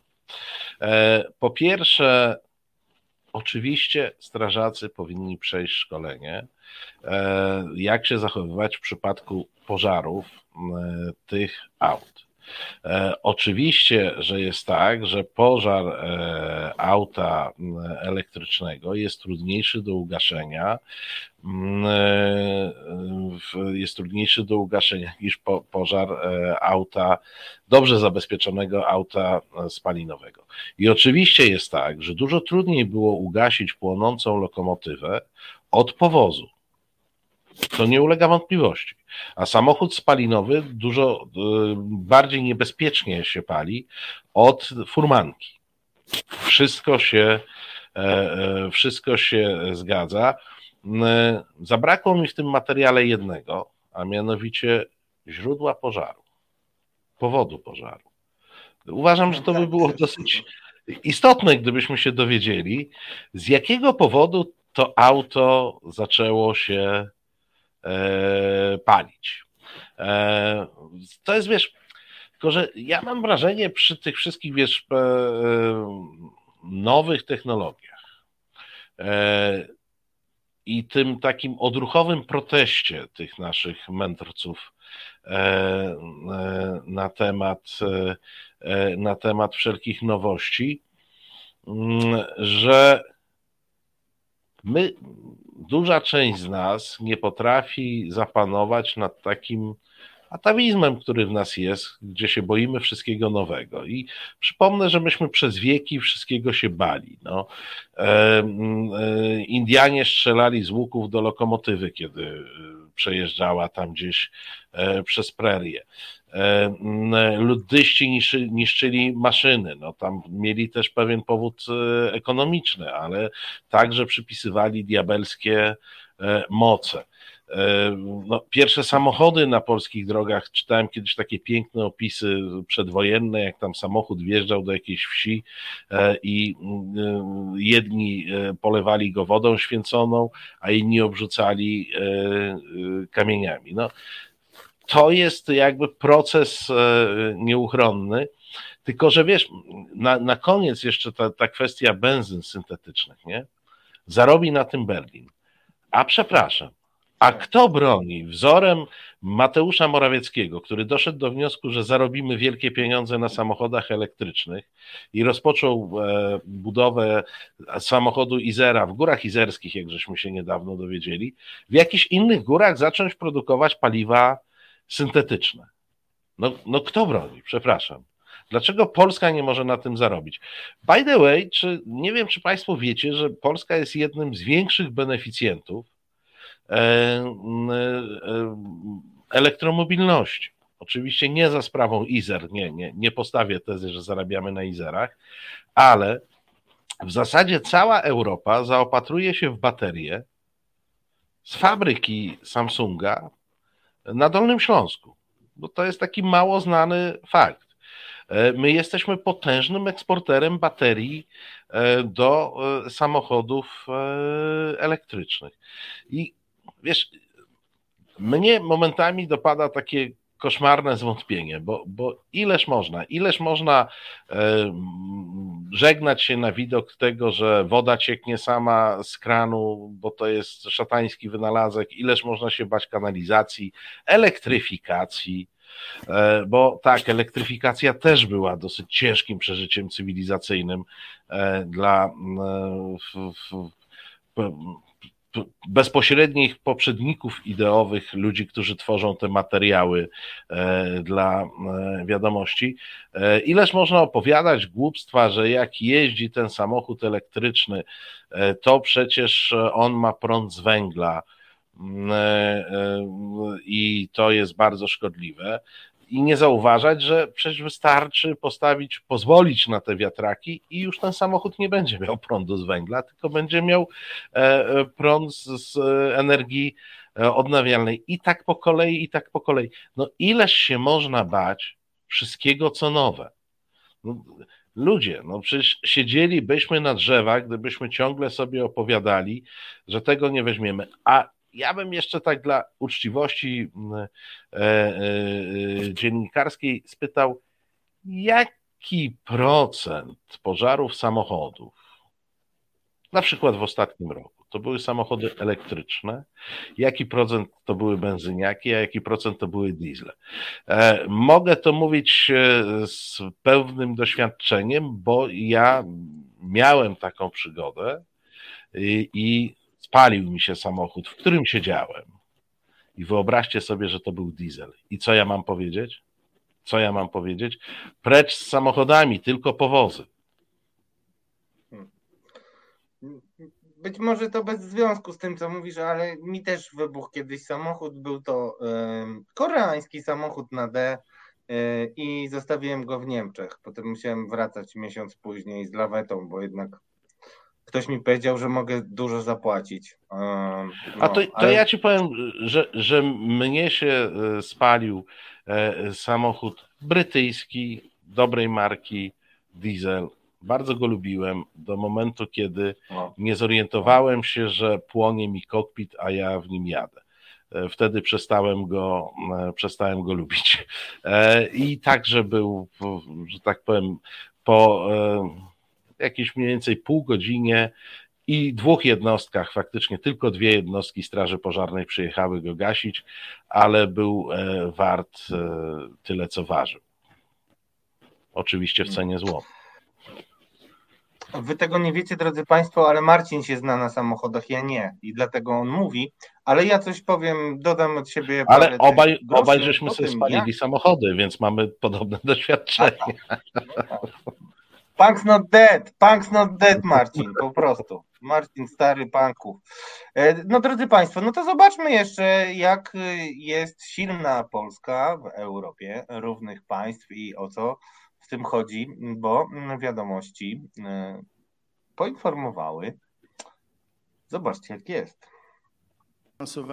To kolejny dzień ofensywy programowej Prawa i Sprawiedliwości, spotkania z wyborcami i rozmowy na temat Polski i Europy. Unia Europejska jest silna siłą państw narodowych, ponieważ siła polityczna, gospodarcza, kulturowa Europy bierze się z energii dostarczanej przez państwa narodowe, z ich różnorodności. W tym rozwiązań dotyczących rozwoju gospodarki. Polska, podobnie jak na przykład Szwecja, Czechy czy Dania, nie zrezygnowała z narodowej waluty na rzecz euro, dzięki czemu od lat zyskujemy. Przede wszystkim dla każdego kraju, który goni kraje bardziej rozwinięte, ko korzystna jest własna waluta, bo tylko przy pomocy własnej waluty rzeczywiście to gonienie może być skuteczne. Pomimo światowego kryzysu i problemów, z którymi zmaga się Europa i strefa euro, szybkiej rezygnacji ze złotego na rzecz euro stale domaga się Platforma Obywatelska z Donaldem Tuskiem na czele. Jego to nie obchodzi. Jego obchodzi euro, żeby wprowadzić wiek emerytalny, podnieść VAT, podnieść i mówić, że on jest atrakcyjny, bo młodzi na niego głosują. No zobaczymy teraz, jakie będą wyniki tych głosowań. Również dzięki własnej walucie Polska może obecnie reagować na światowy kryzys i od lat dynamicznie wspierać rozwój gospodarki Polski, zwiększając wpływy do budżetu. Doprowadziliśmy do sytuacji, w której w 2020 roku uchwaliliśmy budżet zrównoważony. 430 kilka po stronie wydatków, 430 kilka po stronie przychodów. I to był budżet już wówczas o 150 miliardów większy zaledwie po czterech latach niż budżet zostawiony przez naszych poprzedników z PO i z PSL-u. Polska należy do najszybciej rozwijających się gospodarek Unii Europejskiej i państw o zdecydowanie najniższym bezrobociu. Musimy pamiętać, że Polska jest e, w wyjątkowym miejscu e, i musi ciągle walczyć o swoją suwerenność. Elementem suwerenności jest e, posiadanie własnej waluty. Dlatego zdecydowanie złotówka.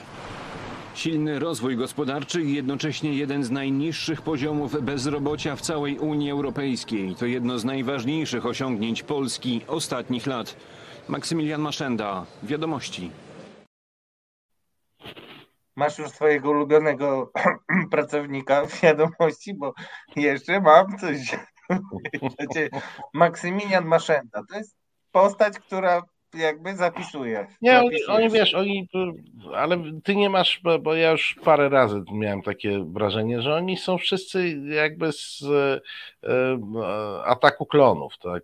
To znaczy, to oni, to oni są tak podobni do siebie i tak identyczne materiały robią pod wieloma względami, że trudno jest wybrać ulubionego, kiedy oni wszyscy wyglądają tak samo, nie? Tak jak- jakby tak stał rząd takich klonów obok siebie, tak samo mówiących, tak samo montujących, e, tak samo e, opowiadających.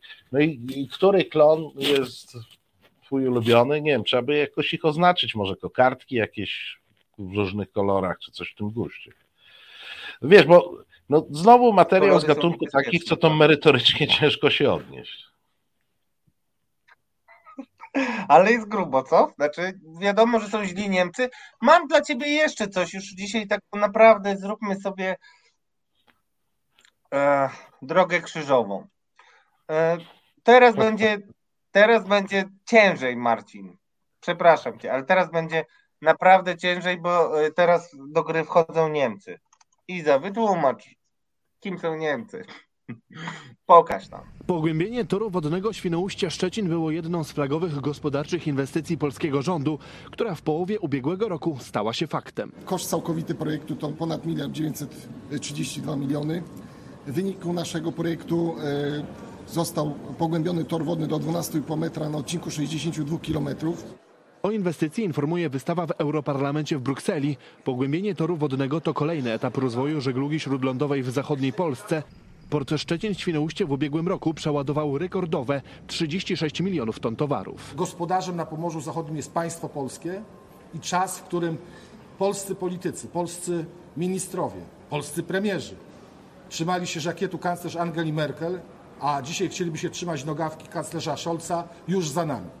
Taka postawa nie podoba się Niemcom, którzy cały czas próbują zablokować inwestycje, czy to w port w Świnoujściu, czy pracę na Odrze, wszystko pod płaszczykiem ekologii. Te same urządzenia, które zostały wybudowane po niemieckiej stronie bez protestów ekologów, kiedy my chcemy realizować te same inwestycje i to jest y, główny temat y, ataku ekologów, ale nie tylko, bo przecież y, rządów landowych również. Dlatego nie widzimy tu żadnych podstaw związanych z ekologią, a przede wszystkim konkurencyjnością.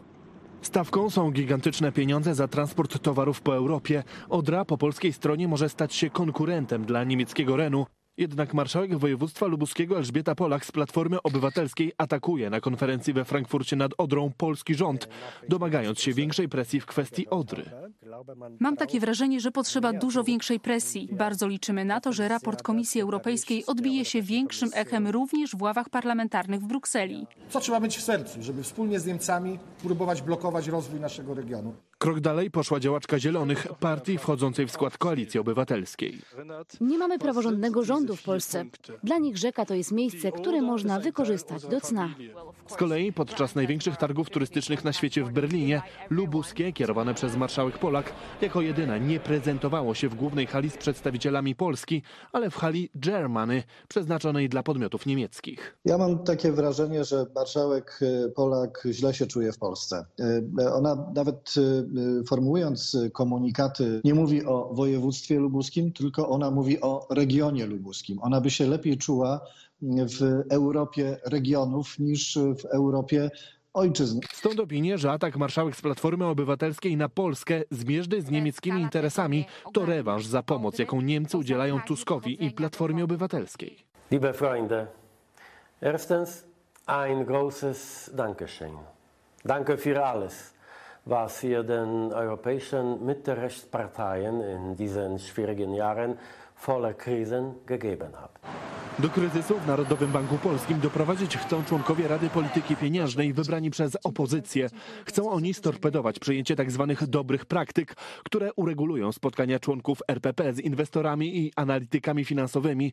Chodzi m.in. o zablokowanie kampanii oszczerstw przeciwko Polsce za granicą. Członkowie RPP powstrzymują się od opisywania swoich osobistych poglądów dotyczących polityki pieniężnej podczas spotkania z inwestorami i analitykami finansowymi, jeżeli mogliby oni osiągnąć korzyść finansową z pozyskania tych informacji. Nieszczęśliwa bardzo propozycja uregulowania spotkań członków Rady Polityki Pieniężnej. To jest nadmiarowa, szkodliwa e, regulacja. NBP odpowiada, podobny dokument regulujący istnieje w Fed, Banku Centralnym USA. Chodzi o to, żeby utrudnić na przykład manipulowanie ratingami oceniającymi wiarygodność kredytową Polski. Platforma Obywatelska nie jest e, partią polską i widzimy właśnie w tym zachowaniu, że wszystko, co ma doprowadzić do wielkości Polski jest przez nich negowane i tak naprawdę sprowadza się do tego, żeby e, stać się państwem, które będzie tylko i wyłącznie współpracowało z wielkim, bogatym mocarstwem na zachodzie. Ich bin sicher, dass ihr uns auch hier nicht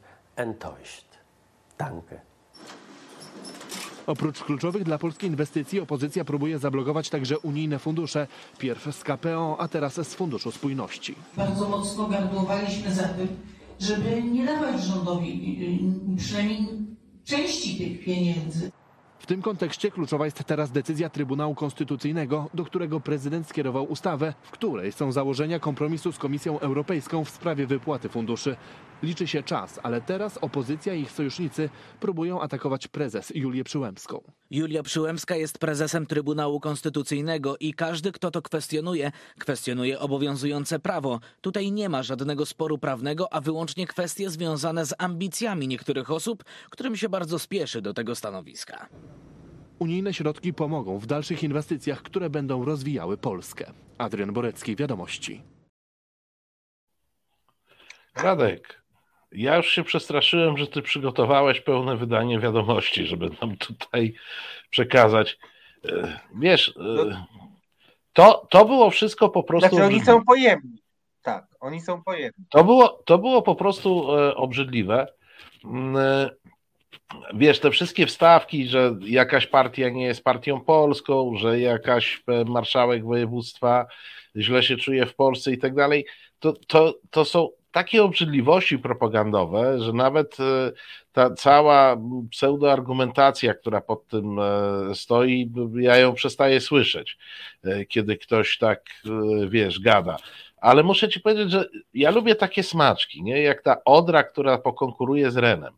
Zobaczcie Państwo, że jak my już przekopaliśmy te mierzeje e, i teraz e, ten, ten, pogłębiliśmy ten kanał e, Szczecin-Świnoujście, to pozostaje nam jeszcze pogłębić Bałtyk, żeby Bałtyk mógł konkurować z Atlantykiem jeśli chodzi o możliwości żeglugowe. To jest, proszę Państwa, tylko trochę pogłębiarek na ten Bałtyk, no bo on jest płytki, jak wiadomo, i to sprawia pewne problemy, ale jakby go tak pogłębić dobrze, to, to mógłby konkurować z Atlantykiem. Wiesz, i koleś, który już nie pamiętam, który tam wychodzi i mówi pod pozorem ekologii, no aż się prosi wstawić mu zdjęcia Odry, w której tam, prawda, jeden wiceminister chciał się nawet kąpać e, w ubiegłym roku, wstawić mu zdjęcia e, tych śniętych ryb i powiedzieć i zapytać, co to jest pozór ekologii. Co to jest pozór ekologii w, w rzece, która została zamordowana najprawdopodobniej? Mało tego jest mordowana nadal, tylko temat e, jakby spadł z wokandy, e, nie jest, nie jest głośny, tam tylko małe grupki e, lokalnych działaczy ekologicznych pokazują, że nadal mamy problem i z poziomem wody w Odrze i z jej składem chemicznym, który coraz mniej przypomina E, wodę rzeczną, a coraz bardziej e, jakieś mm, pewnie niemieckie benzyny syntetyczne. No, bliższy skład jest benzynie syntetycznej e, niż wodzie. To jest po prostu nieprawdopodobne robienie wody z mózgu, podlane antyniemieckim sosem. w tym antyniemieckim sosie oczywiście taplaś musi być unurzany każdy, kto nie jest z PiSu. I tylko ten dzielny Brudziński, ja go podziwiam po prostu, on chyba sam ze szpadlem śmiga po tym Zalewie Szczecińskim i pogłębia po godzinach, e, tak bardzo jest przejęty rozwojem regionu. Mi też się podobały smaczki. Ta, ta, ta, ta kwestia, e, co trzeba mieć w sercu, żeby z Niemcami coś tam będzie mi towarzyszyć do grobowej deski. Mm, e, e, postanowiłem wrzucić mały fact-checking, bo niestety rzuciło mi się w oczy, jak już tak mówisz o tym Atlantyku, to rozumiem, że idziesz tropem tego wielkiego sukcesu, którym jest przekop przez, mierze, przez Mierzeję. No Więc tak, tak, tak. No, no, oczywiście to, to jest epokowa. Nie wiem, czy zauważyłeś, jak, jaki wzrost gospodarczy mamy dzięki temu. Dzięki tym przeładunkom. No, właśnie. Zresztą powiem ci tak, gdyby Unia nam tylko pozwoliła to ukraińskie zboże przez Elbląg przekopem e, wywozić, to by nie było problemu zboża.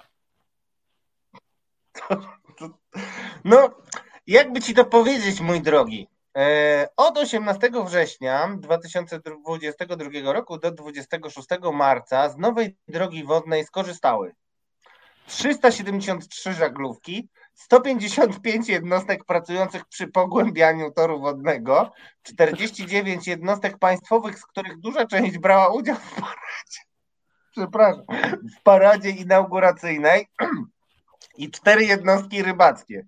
W sumie 581 jednostek, czyli średnio około trzech dziennie. No i to jest, e, e, to jest analiza Rzeczpospolitej. E, no i Rzeczpospolita konstatuje, że mm, w rezultacie przekop można uznać jedynie za atrakcję turystyczną, bo jego główne zadanie nie zostało i nie wiadomo kiedy zostanie zrealizowane. Jedyne 2 miliardy złotych. Zabawa, nie, no wiesz, zabawa. No wie, wiemy od początku, że przekop może służyć przede wszystkim po, pogłębiarką, bo nie ma toru wodnego do Elbląga, czyli jedynego potencjalnego portu, którym mógłby e, z tego przekopu e, korzystać, ale myślę, że tu powinniśmy podjąć zobowiązanie Radku.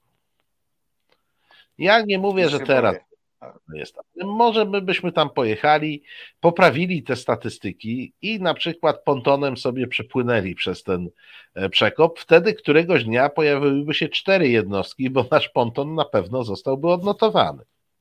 I mało tego, proponuję, żeby ten ponton, żebyśmy nie to, że turystycznie, ale my możemy wziąć jakiś towar na ten ponton, żeby to był ruch towarowy. To będzie taki e, masowiec e, MS Reset Obywatelski, jedno wiosło Gruca, drugie wiosło e, Celijski, bo będą dwa wiosła i zastanówmy się tylko, zastanówmy się tylko, jaki towar, może zboża weźmiemy trochę na ten ponton, a może weźmiemy, no nie, nie wiem, co, co byśmy wyeksportowali przez ten przekop, Radek? Mm, no, pewnie wielu by chciało Jarosława jako najlepsze, co mamy, no nie? Słuchaj, ufunduję fotel do, do pontonu, żebyśmy mogli go eksportować. No, ale wiesz, no, no, cały czas jesteśmy w oparach szaleństwa, ale w oparach szaleństwa, wiesz, to, to w tym szaleństwie jest metoda, e, bo jednak myśl mocarstwowa związana z tym przekopem i w tej chwili myśl mocarstwowa związana z tym, że pogłębimy tor wodny między, w zespole Szczecin-Świnoujście, e, no ona jest i ona promieniuje. O matko, yy, drogi Marcinie. O, pan Tomasz proponuje ładunek styropianu budowlanego.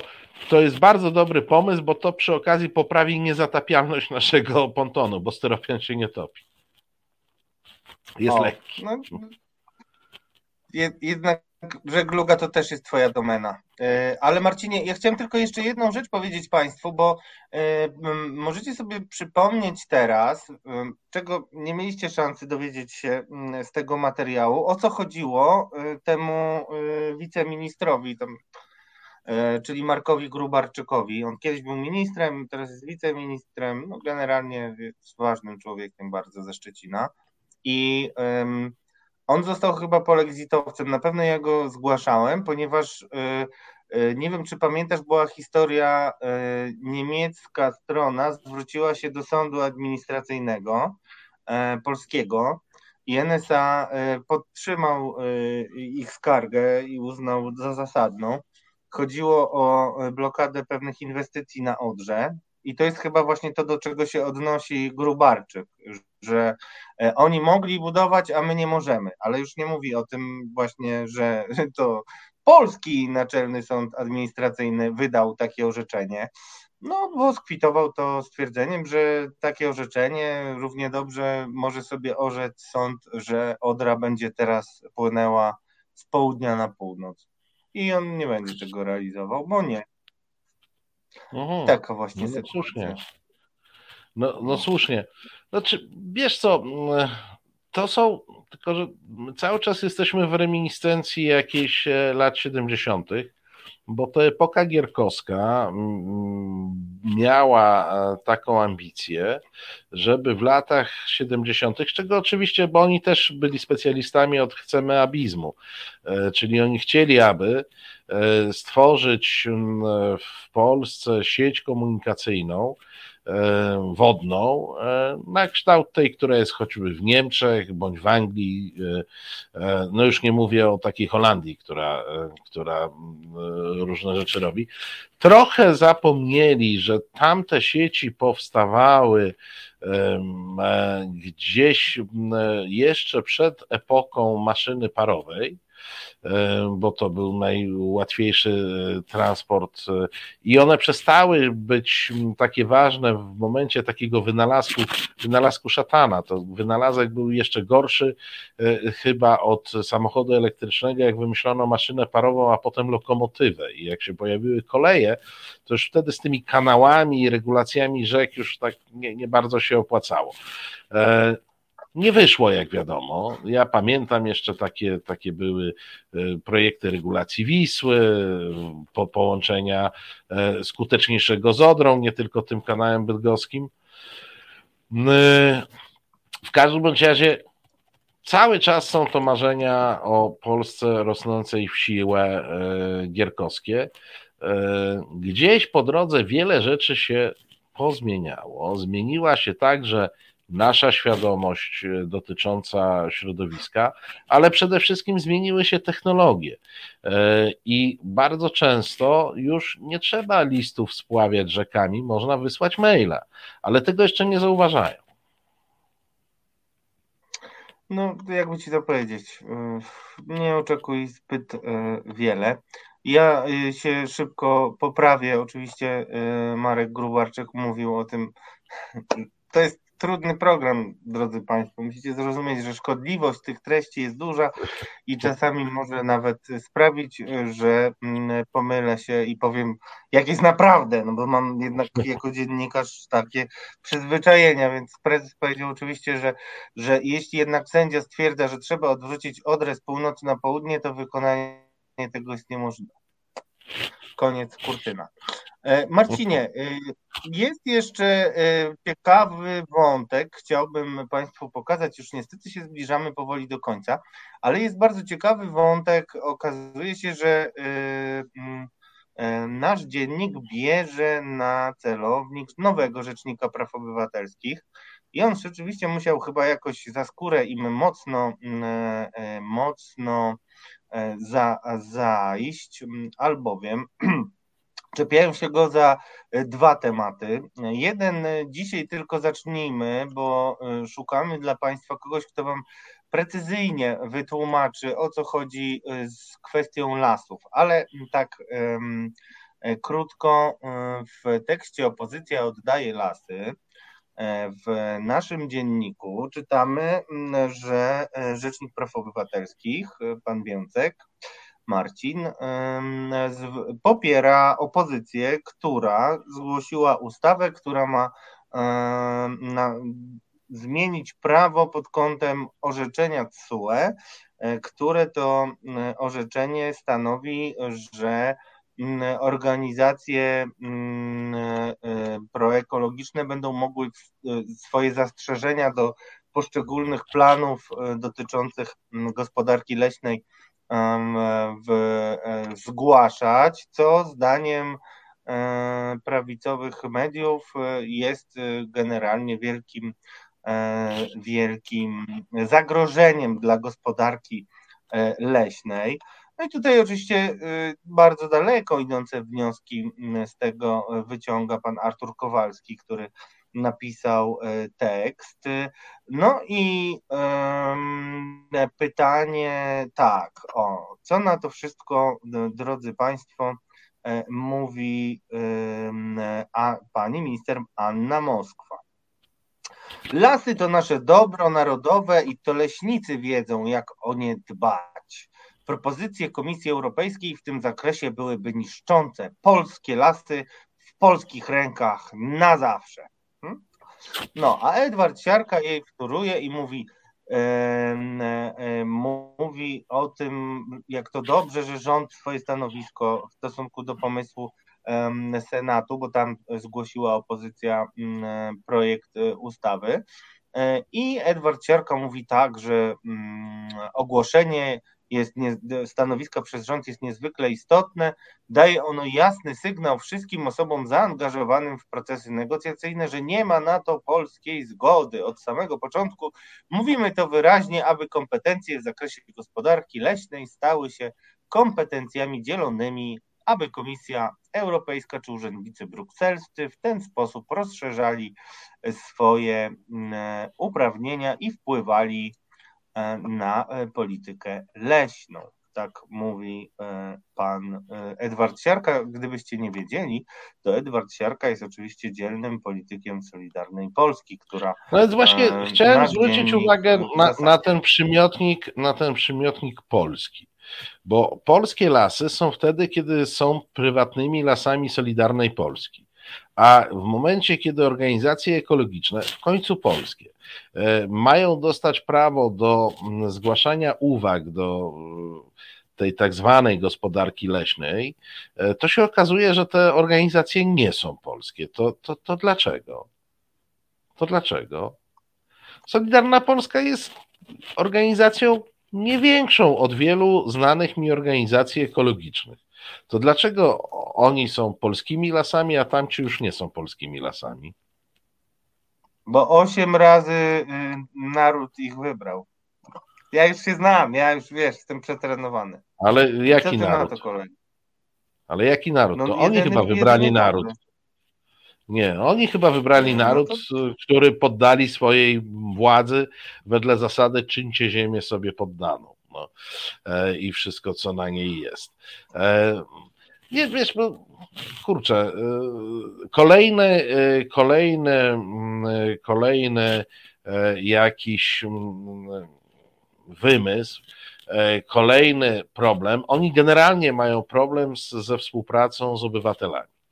Z jak, a z obywatelami zorganizowanymi to zupełnie. No i w tej chwili po prostu robi im się mokro na plecach, żeby nie powiedzieć gorzej, e, kiedy słyszą, że musieliby cokolwiek z kimkolwiek konsultować, a przecież wiadomo, że oni nie mają na to czasu, ponieważ dyrektor Lasów Państwowych już ogłosił, że są w kampanii wyborczej i walczą o to, żeby e, prawica pokazała swoją siłę i wygrała. To tydzień temu, ponad tydzień temu E, na konferencji prasowej pan e, dyrektor Kapica, Kubica jakoś tak ogłosił e, że tak będzie. Zresztą na tej samej konferencji prasowej, na której dowiedzieliśmy się, że nauka poszła do przodu i Puszczy Karpackiej już nie ma. Ja myślę, że to bardziej do przodu poszły piły i harvestery i być może dlatego jej nie ma. To nie ma nic wspólnego z nauką, bo tam był taki mm, dobry wpis, ale ja jestem Państwu winien pewne wyjaśnienie. Trochę zmienię temat. Bo Państwo co tydzień dostają ode mnie e, przegląd e, tygodników e, jedynie słusznych pod kątem polexitu. I tutaj ja już Radkowi się zwierzyłem z drżącym głosem i z takim, no powiedziałbym, no, w trudnym nastroju. Proszę Państwa, w tym tygodniu w tygodniku do rzeczy nie było żadnego jednoznacznie antyeuropejskiego tekstu. Naprawdę. Oczywiście były jakieś tam aluzje w felietonach, ale to nie, nie, nie, bardzo było o czym gadać, ale żadnego tekstu nie było, który by pokazywał, jaka Unia Europejska jest zła. Podobnie w tygodniku sieci, to ja się usprawiedliwiam, ja naprawdę je przeczytałem jak co tydzień dla Państwa i tam kurczę nic nie było. Ja jestem strasznie zaniepokojony tym, bo jeżeli w tym tygodniu nic nie ma, to oni jakieś straszne świństwo na przyszły tydzień przygotowują, jakich znam. Za to, jak już jesteśmy przy lasach e, państwowych, to są w tych tygodnikach, proszę Państwa, instrukcje, jak się sadzi lasy. Jest taki tekst, oczywiście e, sponsorowany, z którego możecie się mm, e, dowiedzieć, że takie drzewko to trzeba taką dziurkę wykopać, a na tamto drzewko to trzeba inną dziurkę, a w lasach to w ogóle jeszcze maszynowo pikują, tak? To pewnie każdy rolnik wie, że można pikować maszynowo, ale jest taki tekst, e, e, jest taki tekst, który Państwu dokładnie wyjaśnia, w jaki sposób można e, nasadzić, nasadzić z no i jest problem światowy, nie do końca związany mm, z naszą, e, z, z, z naszą walką z Unią Europejską, choć do jakiegoś stopnia tak. Ten problem e, sygnalizowaliśmy już Państwu w niedzielę z Witoldem Beresiem, e, dzięki dzielnym posłankom Solidarnej Polski, które go podniosły, a mianowicie problem utraty suwerenności i uważaj, Radku, tym razem nie na rzecz tych Niemców, tylko na rzecz WHO, czyli Światowej Organizacji Zdrowia. Nie wiem, czy wiesz, że jeżeli Niemcy nas, nam nie zabiorą suwerenności, jeśli im się nie uda, to zabierze nam WHO. Nie wiem, czy słyszałeś o sprawie. Hmm. I... Coś chyba moje źródła nadawały, przyznaję. Ale... Otóż, e, otóż e, tak, tak w Światowej Organizacji... na padalstwie Unii, że wiesz. W Światowej Organizacji Zdrowia m, mm, cały czas trwa praca nad e, procedurami walki z pandemiami, generalnie w dużej mierze na podstawie pandemii ostatniej. E, no i pojawia się postulat, żeby nadać tej organizacji pewne kompetencje wyznaczania tych procedur państwom członkowskim. E, no, czyli chodzi o stworzenie procedur, które pozwolą e, walczyć z pandemiami w skali, w jakiej pandemie się pojawiają, czyli w skali światowej. E, no i tu pani posłanka Siarkowska, którą prezentowaliśmy e, w niedzielę, zauważyła, że przecież w Światowej Organizacji e, Zdrowia nie zasiadają ludzie wybierani przez naród polski, w odróżnieniu od posłów polskich, którzy są wybierani przez naród polski. W związku z czym to posłowie powinni decydować, czy jest pandemia, czy nie, jak z nią walczyć, a nie jacyś jajogłowi ze Światowej Organizacji Zdrowia.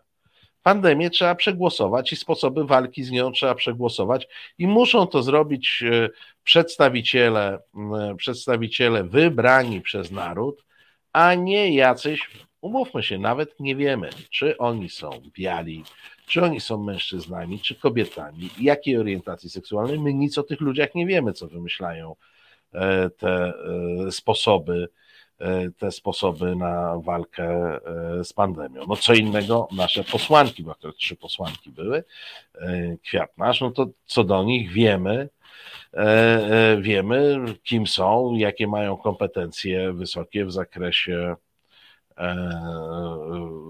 w zakresie walki z chorobami. I nie, nie wiem, jak, jakie jest Twoje zdanie, ale mnie ta retoryka suwerennościowa przekonuje. Nie, nie będą nam jacyś lekarze mówili, jak ma się leczyć, powiedzą nam posłowie. No, no, I, ten temat, I ten temat jest e, przedmiotem w tygodnikach opinii.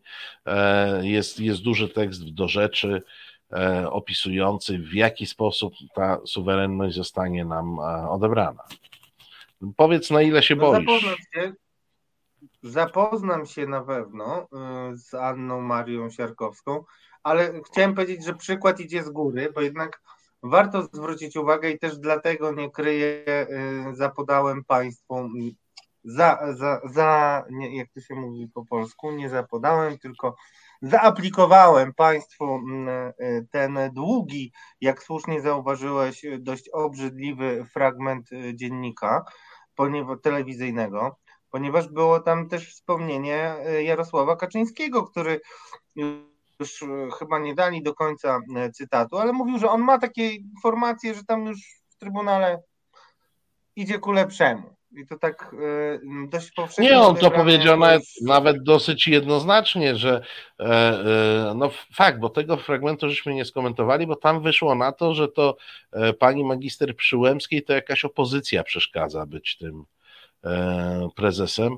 no to ci powiem, pan Święczkowski w opozycji, muszę powiedzieć, że nie doceniałem Donalda Tuska, że jest w stanie przeciągnąć Święczkowskiego na swoją stronę.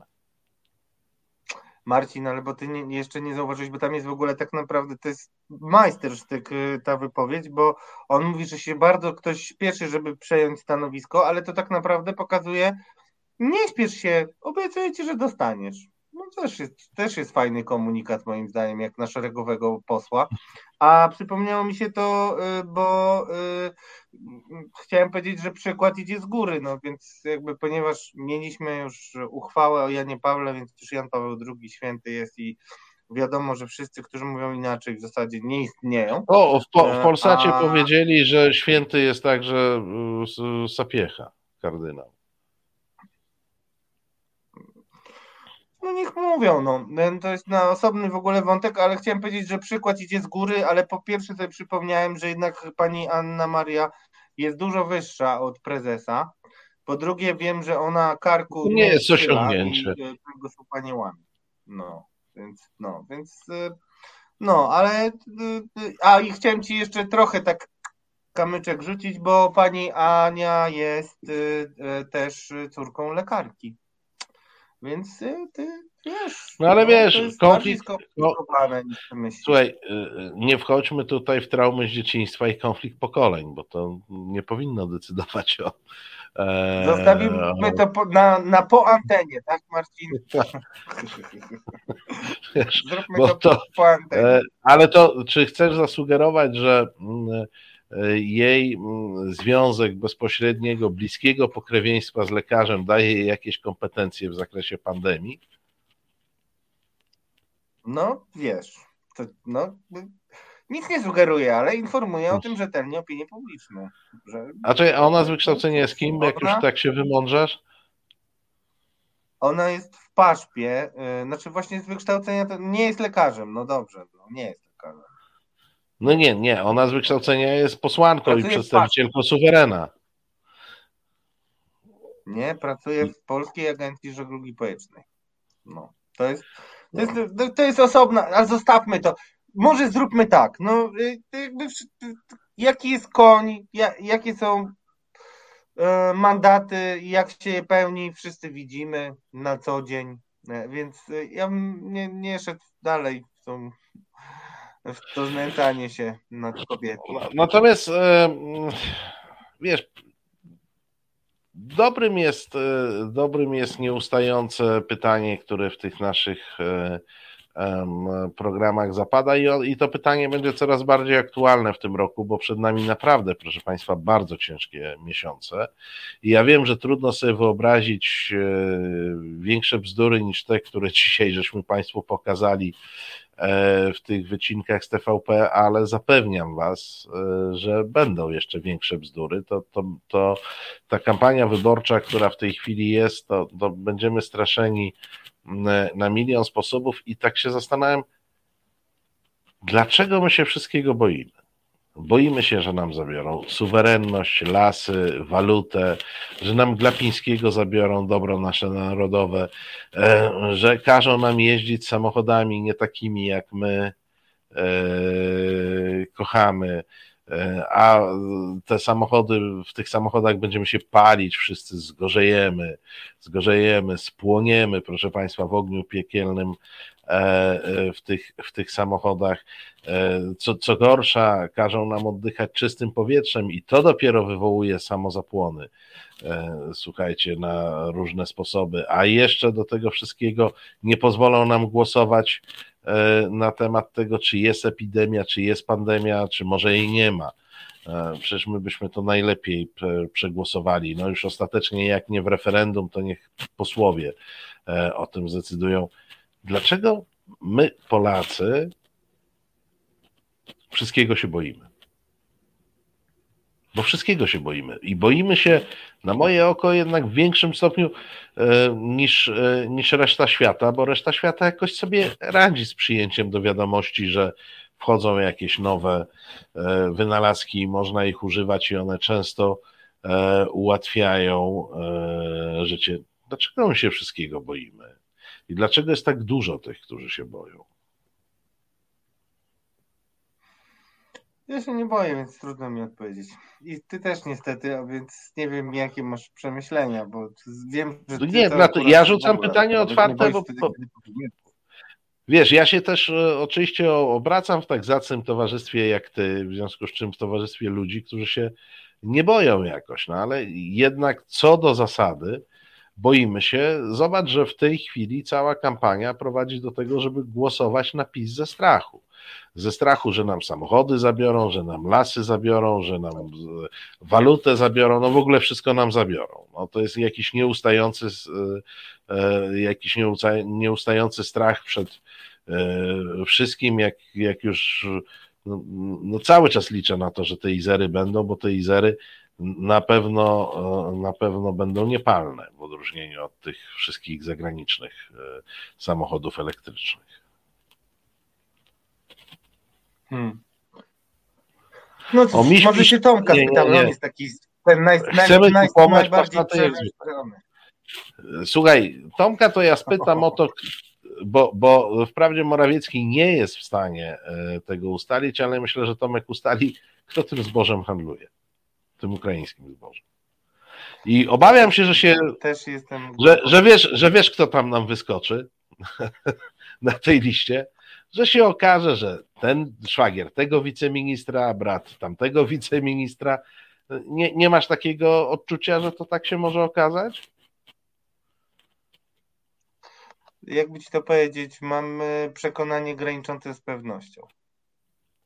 E, pani Jolanta prosi o coś optymistycznego. To ja Państwu powiem tak. Pani Emilewicz, która ostatnio powiedziała, że będziemy rozważać wystąpienie z Unii, e, to jest ta pani Emilewicz, która nie wiadomo, co teraz robi i e, z kim się teraz przyjaźni, i nie traktujmy jej poważnie. Ja to jest mój postulat. robiłem, ale... A, ale czekaj, ona tam przecież w rządzie była. Ty, ty nie traktujesz poważnie urzędników e, rządowych? No ja akurat dość dużo słyszałem o tej działalności. y, Trudno mi tak do końca poważnie traktować. Ale to może kiedyś, to rzeczywiście taki jest potwór jakby z przeszłości. Marcinie, musimy popatrzeć na to, który dzisiaj laureat zapisał się złotymi zgłoskami w naszym No programie. właśnie, zło, złotymi zgłoskami. No, moi drodzy, niech żyje młodość. Niech żyje młodość, niech żyją młodzi, yy, prawie heteroseksualni, e, biali mężczyźni. No, Patryk Jaki 64%, Mateusz Morawiecki 36%. No proszę bardzo. E, czyli, czyli, proszę Państwa, młodość to jest nasza szansa. Dlatego no ja, ja wiem. nie jestem biały, jestem biały-czerwony. E, Radek, teraz tak mówisz, a jak przychodzi coś do czego, to razem z Patryczkiem jesteście biali. E, I słuchajcie, z- zobaczcie, że Patryka zgłosił Radek. Przypadek? Nie sądzę. To nie, to nie przypadek. Proszę Państwa, i tutaj jak Waldemar pisze, mm, że to tylko 35%, to aż 35% boi się wszystkiego. E, I do tego wszystkiego jeszcze. O, Piotr pisze, że zmarł pa- Paweł Śpiewak. No bardzo smutna wiadomość. Ja wiedziałem, że on chorował i był w ciężkim stanie, ale były jakieś nadzieje. E, Były nadzieje na to, że, że wyjdzie. To jest bardzo duża, e, bardzo duża strata dla e, polskiej socjologii, dla polskiej polityki poniekąd, e, poniekąd. Też Paweł Śpiewak był jednym z tych ludzi, z którym można było się oczywiście na różne sposoby nie zgadzać w jego poglądach na różne sprawy, ale niewątpliwie moim zdaniem to w tym ostatnim trzydziestoleciu to był w czołówce analityków ludzi, którzy potrafili zrozumieć i opisać rzeczywistość. No niestety, nie, nie wyszło nam optymistycznie na koniec. No, nie, No to smutną wiadomością e, zamykamy, zamykamy ten, ten program. E, To bardzo, bardzo smutna wiadomość, jeśli chodzi o śmierć e, Pawła e, Śpiewaka. Proszę Państwa, bez wyjścia e, za tydzień my Państwu dziękujemy za dzisiaj. Do zobaczenia, do usłyszenia.